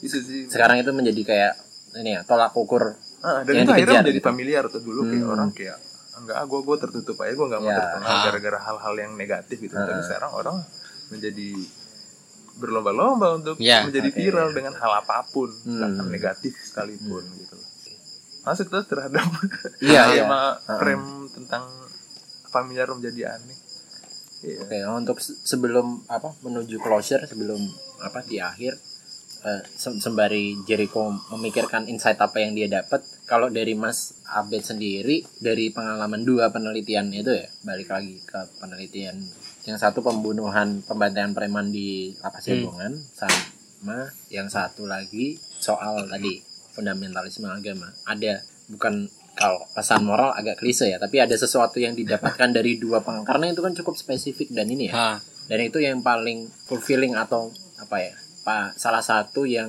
menjadi tawaran yang bisa didapatkan dalam pengerjaan skripsi kan ya. Untuk tidak melihat pengerjaan skripsi itu hanya sebagai beban gitu. Ada kemungkinan dapat sesuatu dari sana gitu. Kalau dari Mas Abed sendiri dari dua pengerjaan itu ada eh, tadi apa? Pencerahan apa namanya? Kalau Oh, pakai bahasa- tadi. Epifani. Epifani. Jadi apa sesuatu yang apa? apa titik balik titik balik titik ya. balik iya titik balik yang membuat Mas Abed punya pandangan lain terhadap apa yang tadi diteliti atau secara umum lah. Ah, oke. Dipegang oleh Mas Abed se- setelah meneliti nggak? Ya itu sebenarnya nganu sih. Apa ya?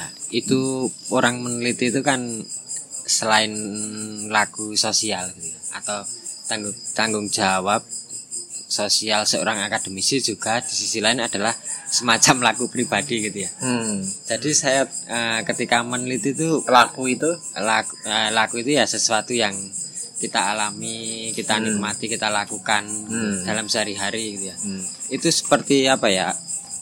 eh rasanya itu apa ya? Happy sekali. Hmm. Maksudnya happy sekali itu bukan berarti nggak sedih gitu ya. Nah, Bukan berarti nggak sedih karena ya kita harus bergelut dengan peneliti-peneliti lain Hmm. nyari kawan tinju kan kira- kira-kira kan kayak gitu. nah. Lah itu tapi itu yang buat saya asik gitu ya. Karena itu selalu memacu saya untuk eh, bukan menjadi lebih tapi eh, lebih memacu saya untuk eh, bisa konsisten gitu kira-kira. Hmm. Konsisten dalam satu isu dalam waktu yang cukup lama gitu kan itu menurut saya hari ini tuh menjadi privilege buat kita gitu ya. Oke. Ketika kita bisa konsisten. Mungkin di Twitter yang disebutkan oleh si Jericho tadi itu apa ya kalau saya suka istilahnya itu siapa Walter Benjamin itu seorang ya pemikir dari eh, ya Jerman ya Hmm. itu dia mengatakan dengan istilah fantasmagoria Fantasmagoria. ya jadi yang viral-viral itu barangkali itu hanya sekedar menjadi fantasmagoria atau sesuatu yang lewat terus habis itu setahun lagi orang udah lupa kayak Kayak gelembung air soda gitu ya. ya Hmm. Ya ya seperti itu tapi kalau ketika kita eh, ini concern pada satu isu kemudian ya jadi penelitian lah kira-kira seperti itu kok saya kok merasa itu sulit terlupakan gitu ya Oh, oke. artinya tidak sekedar menjadi fantasmagoria semata Oh. tapi itu benar-benar ya sesuatu yang berarti bagi saya entah hari ini belum tentu hari ini gitu ya Hmm. bisa jadi 10 tahun lagi itu menjadi sesuatu yang ah, bukan ya monumen juga bukan gitu ya Hmm.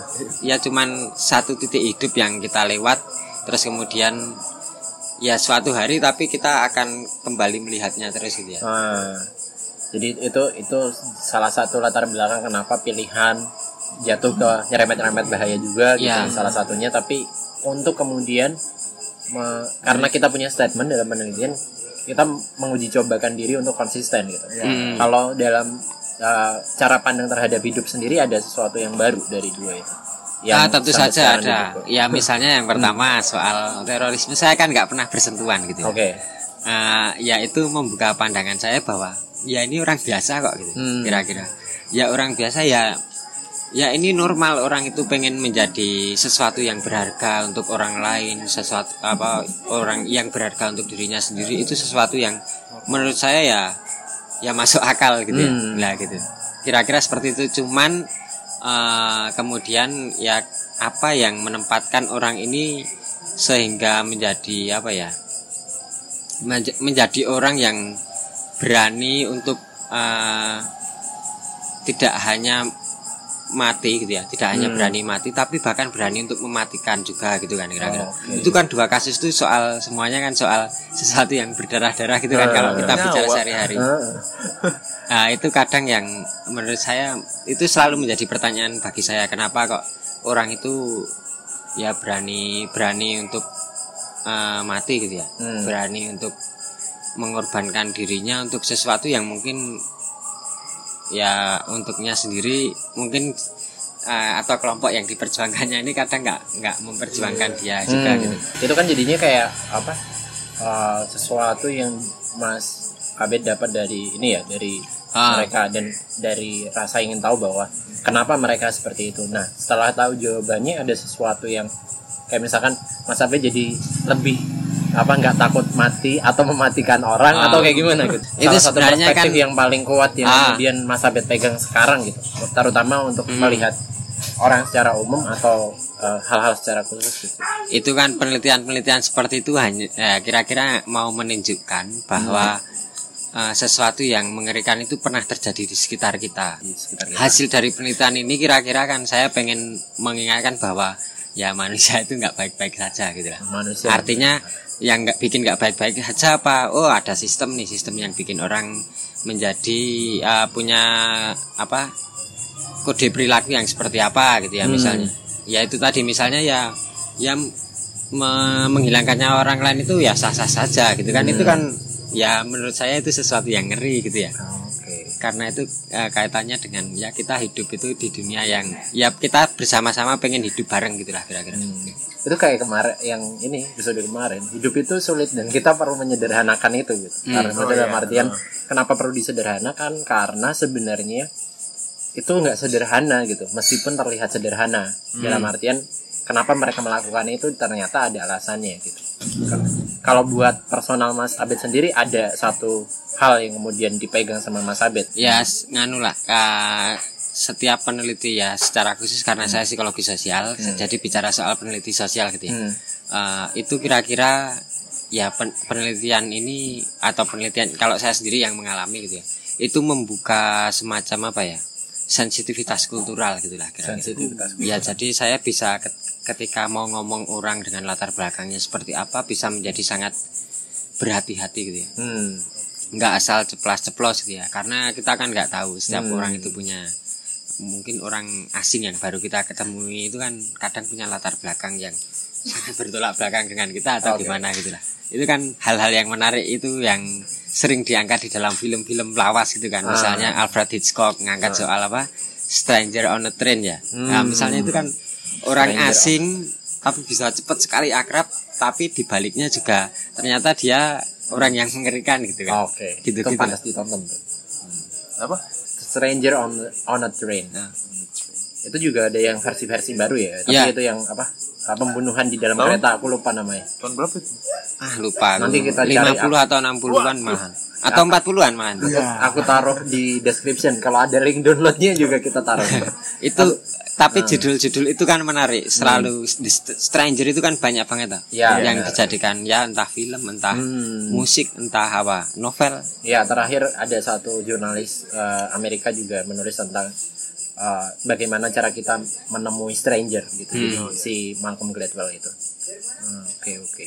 Nah sembari apa Mas Abed memikirkan karena tadi kita memulai dengan novel ya untuk menutup ini penasaran kira-kira atau film ya yang kira-kira bisa membantu teman-teman yang mungkin sedang ngerjain skripsi atau memikirkan topik skripsi yang menurut Mas Abed patut untuk ditonton apa dan bisa jadi tadi rujukan untuk pindah frekuensi dari pengen menulis dengan gaya gaya tertentu atau kemudian ya memudahkan kita untuk menjadi lebih sensitif untuk menulis gitu.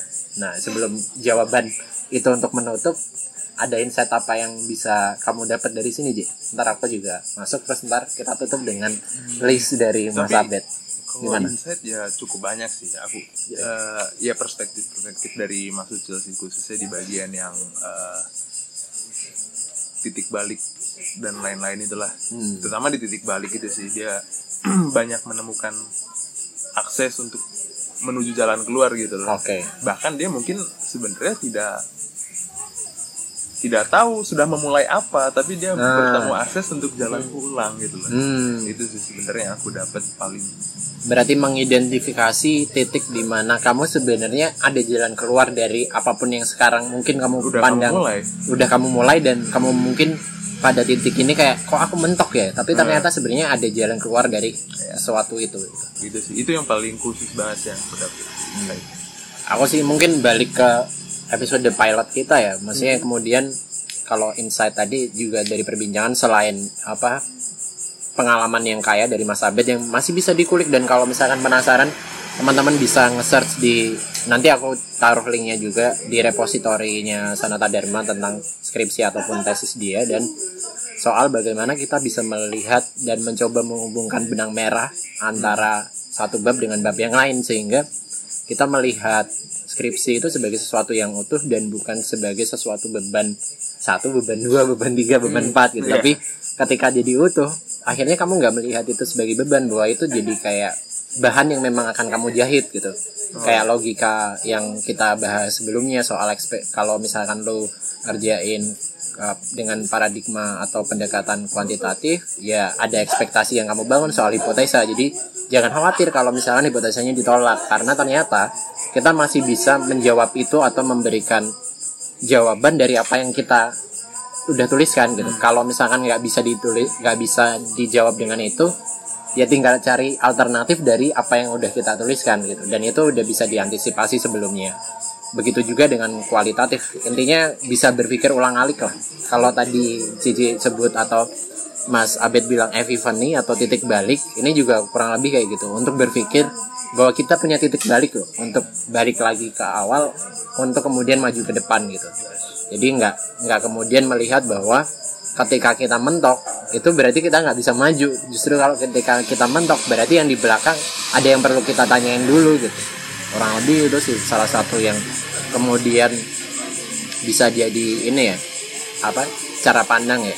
Selain hal-hal yang udah disebutin kayak bagaimana kita melatih untuk membuat yang familiar menjadi aneh dan yang aneh jadi familiar. Itu kan cukup ini ya cukup ngena dan bisa kita coba pelan-pelan ya ketika menulis skripsi atau tidak menulis skripsi pun gitu Nah, untuk menutup perbincangan kali ini, jadi karena kita membuka dengan novel, Mas Abed ada tambahan soal list beberapa novel yang menurut Mas Abed pantas dibaca atau membantu untuk kemudian punya cara pandang lain atau kemudian memudahkan kita pindah frekuensi untuk menulis tadi ataupun film gitu. Hmm.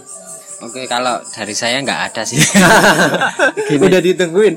Ntar list Jadi saya saya nggak punya apa ya, nggak punya uh, harus baca novel ini harus Nggak, baca nggak. novel itu gitu kan atau sarana Film, sarana ah, opsi-opsi gitu itu nggak gitu ada yang menurut Mas Abed Ah. karena tadi kan terbantu kan dari Mm-mm. dari pem- membaca ini membaca itu gitu itu kan saya kalau tadi mulainya dengan ya Paulo Coelho yang sampai hari ini saya nggak terlalu ingat ceritanya seperti apa. Paul Coelho oke Terus kemudian ya, tapi itu saya nggak tahu maksudnya nggak itu buat saya sendiri sekarang bukan sesuatu yang eh, signifikan banget gitu iya ya. tapi menempel. dia bisa membantu waktu itu sebagai jembatan waktu itu Hmm. mungkin sangat tem- temporer banget gitu ya. Oke, waktu temporer. itu. Bahkan saya itu kalau film gitu juga kadang sinetron itu seneng. sinetron Sinetron misalnya yang tahun lalu itu ada orang ketiga saya setiap hari dari jam 8 sampai jam 10 itu nonton sinetron itu. oh Bukan oke. demi apa pun ya karena saya suka sensasionalitasnya itu. Oh, sensasional Ya kadang dari situ saya menemukan hal-hal lain yang itu tadi yang maksudnya bisa jadi inspirasi nggak nggak nganu sih nggak Hmm. selalu kaitannya yang isi sinetronnya tapi bisa jadi sinetron ini mengingat, mengingatkan saya dengan hal apa gitu. Oh, oke oke jadi ya apa ya itu tadi sih lebih ke menaruh kadang kita perlu menaruh jarak juga gitu kan. Hmm. untuk melihat ini dengan sudut pandang yang bermacam-macam ini. Oke. Paralaks gitu kan. Oke itu sih jadi kalau novel apa yang yang mau dibaca yang kalau yang titik balik ah, nanti malah mirip sama judulnya Pram ya harus balik harus Ka- balik kalau yang menjadi titik balik selain Paulo Coelho tadi ada yang bisa di share sama teman-teman Paulo Coelho itu menurut saya bukan titik balik. bukan titik balik sebenarnya. ada Bukan. yang titik Karena balik saya membaca Paulo Coelho itu kan bukan karena saya pengen membaca dia kayak Oh, apa. oke sih. kalau yang yang pengen membaca yang pengen membaca itu itu kar eh, Pram sebenarnya. Dulu. Pramudiana Saya- Tatur. Pramudiana Tatur waktu itu ya. hmm. Eh sorry. Pramudia atau ya Pramudia kayaknya Pramudia dulu saya atau Tolstoy lupa aku. Pramudiana Tatur atau Tolstoy ada judul-judul tertentu yang menurut masing-masing mengena di Mas Ah. Abed Kalau yang judul kalau yang Tolstoy itu yang dulu saya sangat ingat-ingat itu ya apa ya? Misalnya seberapa luas tanah yang dibutuhkan seseorang dalam hidupnya atau apa lupa lah Oh, apa judulnya. seberapa luas tanah Sama Kreutzer. Sonata Pahom, ah. Ah. sama Kreutzer Sonata. apa itu Ceritanya soal Kreutzer Sonata itu kan sonatanya siapa ya? Kreutzer itu nama daerah ya? Atau apa Eh, saya nggak tahu, saya nggak mencari lebih jauh, Kreutzer tapi itu Sonata. nama judul salah satu kalau nggak Beethoven, Mozart atau siapa gitu ya. Hmm, Nama salah satu nama sonatanya salah mereka. sonatanya mereka Ya ceritanya soal pembunuhan dan perselingkuhan apa ya? oke Itu kisah-kisah yang menarik gitu ya. oke Eh, bah, apa ya? Kadang ada hal-hal remeh-temeh yang kita nggak perlu harus membaca dari tokoh-tokoh besar yang bisa kita temukan gitu ya. Misalnya Oke. dari sinetron itu tadi kan hmm. atau Doraemon yang dianggap sangat remeh-temeh gitu ya. Hmm, Itu ada juga hal-hal memberikan remeh-temeh. banyak sesuatu ya banyak inspirasi ya. Hmm. Eh, setidaknya misalnya kenapa lah Doraemon itu kok sampai hari ini menjadi ditonton banyak orang gitu ya. Hmm. Menjadi imajinasi bagi orang-orang yang lahir atau masa kecilnya di tahun 90-an itu menjadi sangat sangat apa ya? Sangat-sangat berarti gitu ya film Iya, itu. iya. Mengisi waktu kecil dan apa ya kira-kira apakah dengan hal yang seserius itu apakah sama sekali nggak ada efeknya hari ini gitu ya? benar misalnya benar, kayak gitu. Kalau film ada mas, selain Stranger on the Train yang tadi Doraemon, Doraemon, Doraemon yang serial tiap minggu itu. serial tiap minggu Oke. itu menarik semua nggak tahu saya suka secara visual menarik gitu ya. Nah. pewarnaannya itu pastel-pastel gimana agak kalem-kalem gitu kan Nah. Setuju sih kalau bagian warna sih. Nah, Iya, menarik itu kemudian itu nanti juga bisa jadi perbincangan yang lain tapi kita bisa nyari temen yang bisa bahas Hmm. itu juga tapi sebenarnya menarik karena kemudian uh, terakhir kali aku lihat di story ya, story temen gitu dia tanya uh, setelah pandemi ini beberapa orang kan sekarang uh, berrekreasi itu salah satunya pergi ke negara lain kan salah karena beberapa orang kayak menabung untuk kemudian uh, berekreasi uh, kayak traveling ke tempat tempat tertentu gitu. Ada ban- banyak jawaban yang menjawab negara Jepang gitu. Itu juga menjadi menarik apakah ada pengaruh bahwa kita sering terekspos sama komik, uh, anime, terus uh, hal-hal yang berbau Jepang dalam masa kecil kita sehingga kita punya semacam ini ya kerinduan untuk pindah ke atau pergi ke tempat yang asing. Tapi sebenarnya kita kenali waktu kecil gitu lewat Hmm. lewat film-film atau uh, kartun-kartun itu. Itu menarik sih. Dan itu juga bisa sebenarnya kan ya jawabannya agak rumit kan. Hmm. karena kita juga selama berpuluh-puluh tahun sejak tahun berapa 60 atau berapa itu kan sudah ada tren Asianisation Asia kan Asianization Asia Apa tuh? jadi ya ya ini tren-tren J-pop Japanese pop culture Hmm. gitu kan terus Korea Hmm. K-pop gitu-gitu dan produk-produk yang kita pakai lah hmm, oke yang kita nikmati alat transportasi kita ya Kijang. misalnya ya naiknya Toyota gitu ya misalnya nge-grab Ba- bajunya Uniqlo Nah, atau gitu Muji ya. gitu ya. ya. Menarik menarik. Jadi itu balik lagi ke kredonya Mas Ucil. Kredo salah satu yang menarik tadi mengasingkan yang familiar dan memfamiliarkan yang asing gitu Hmm. lah.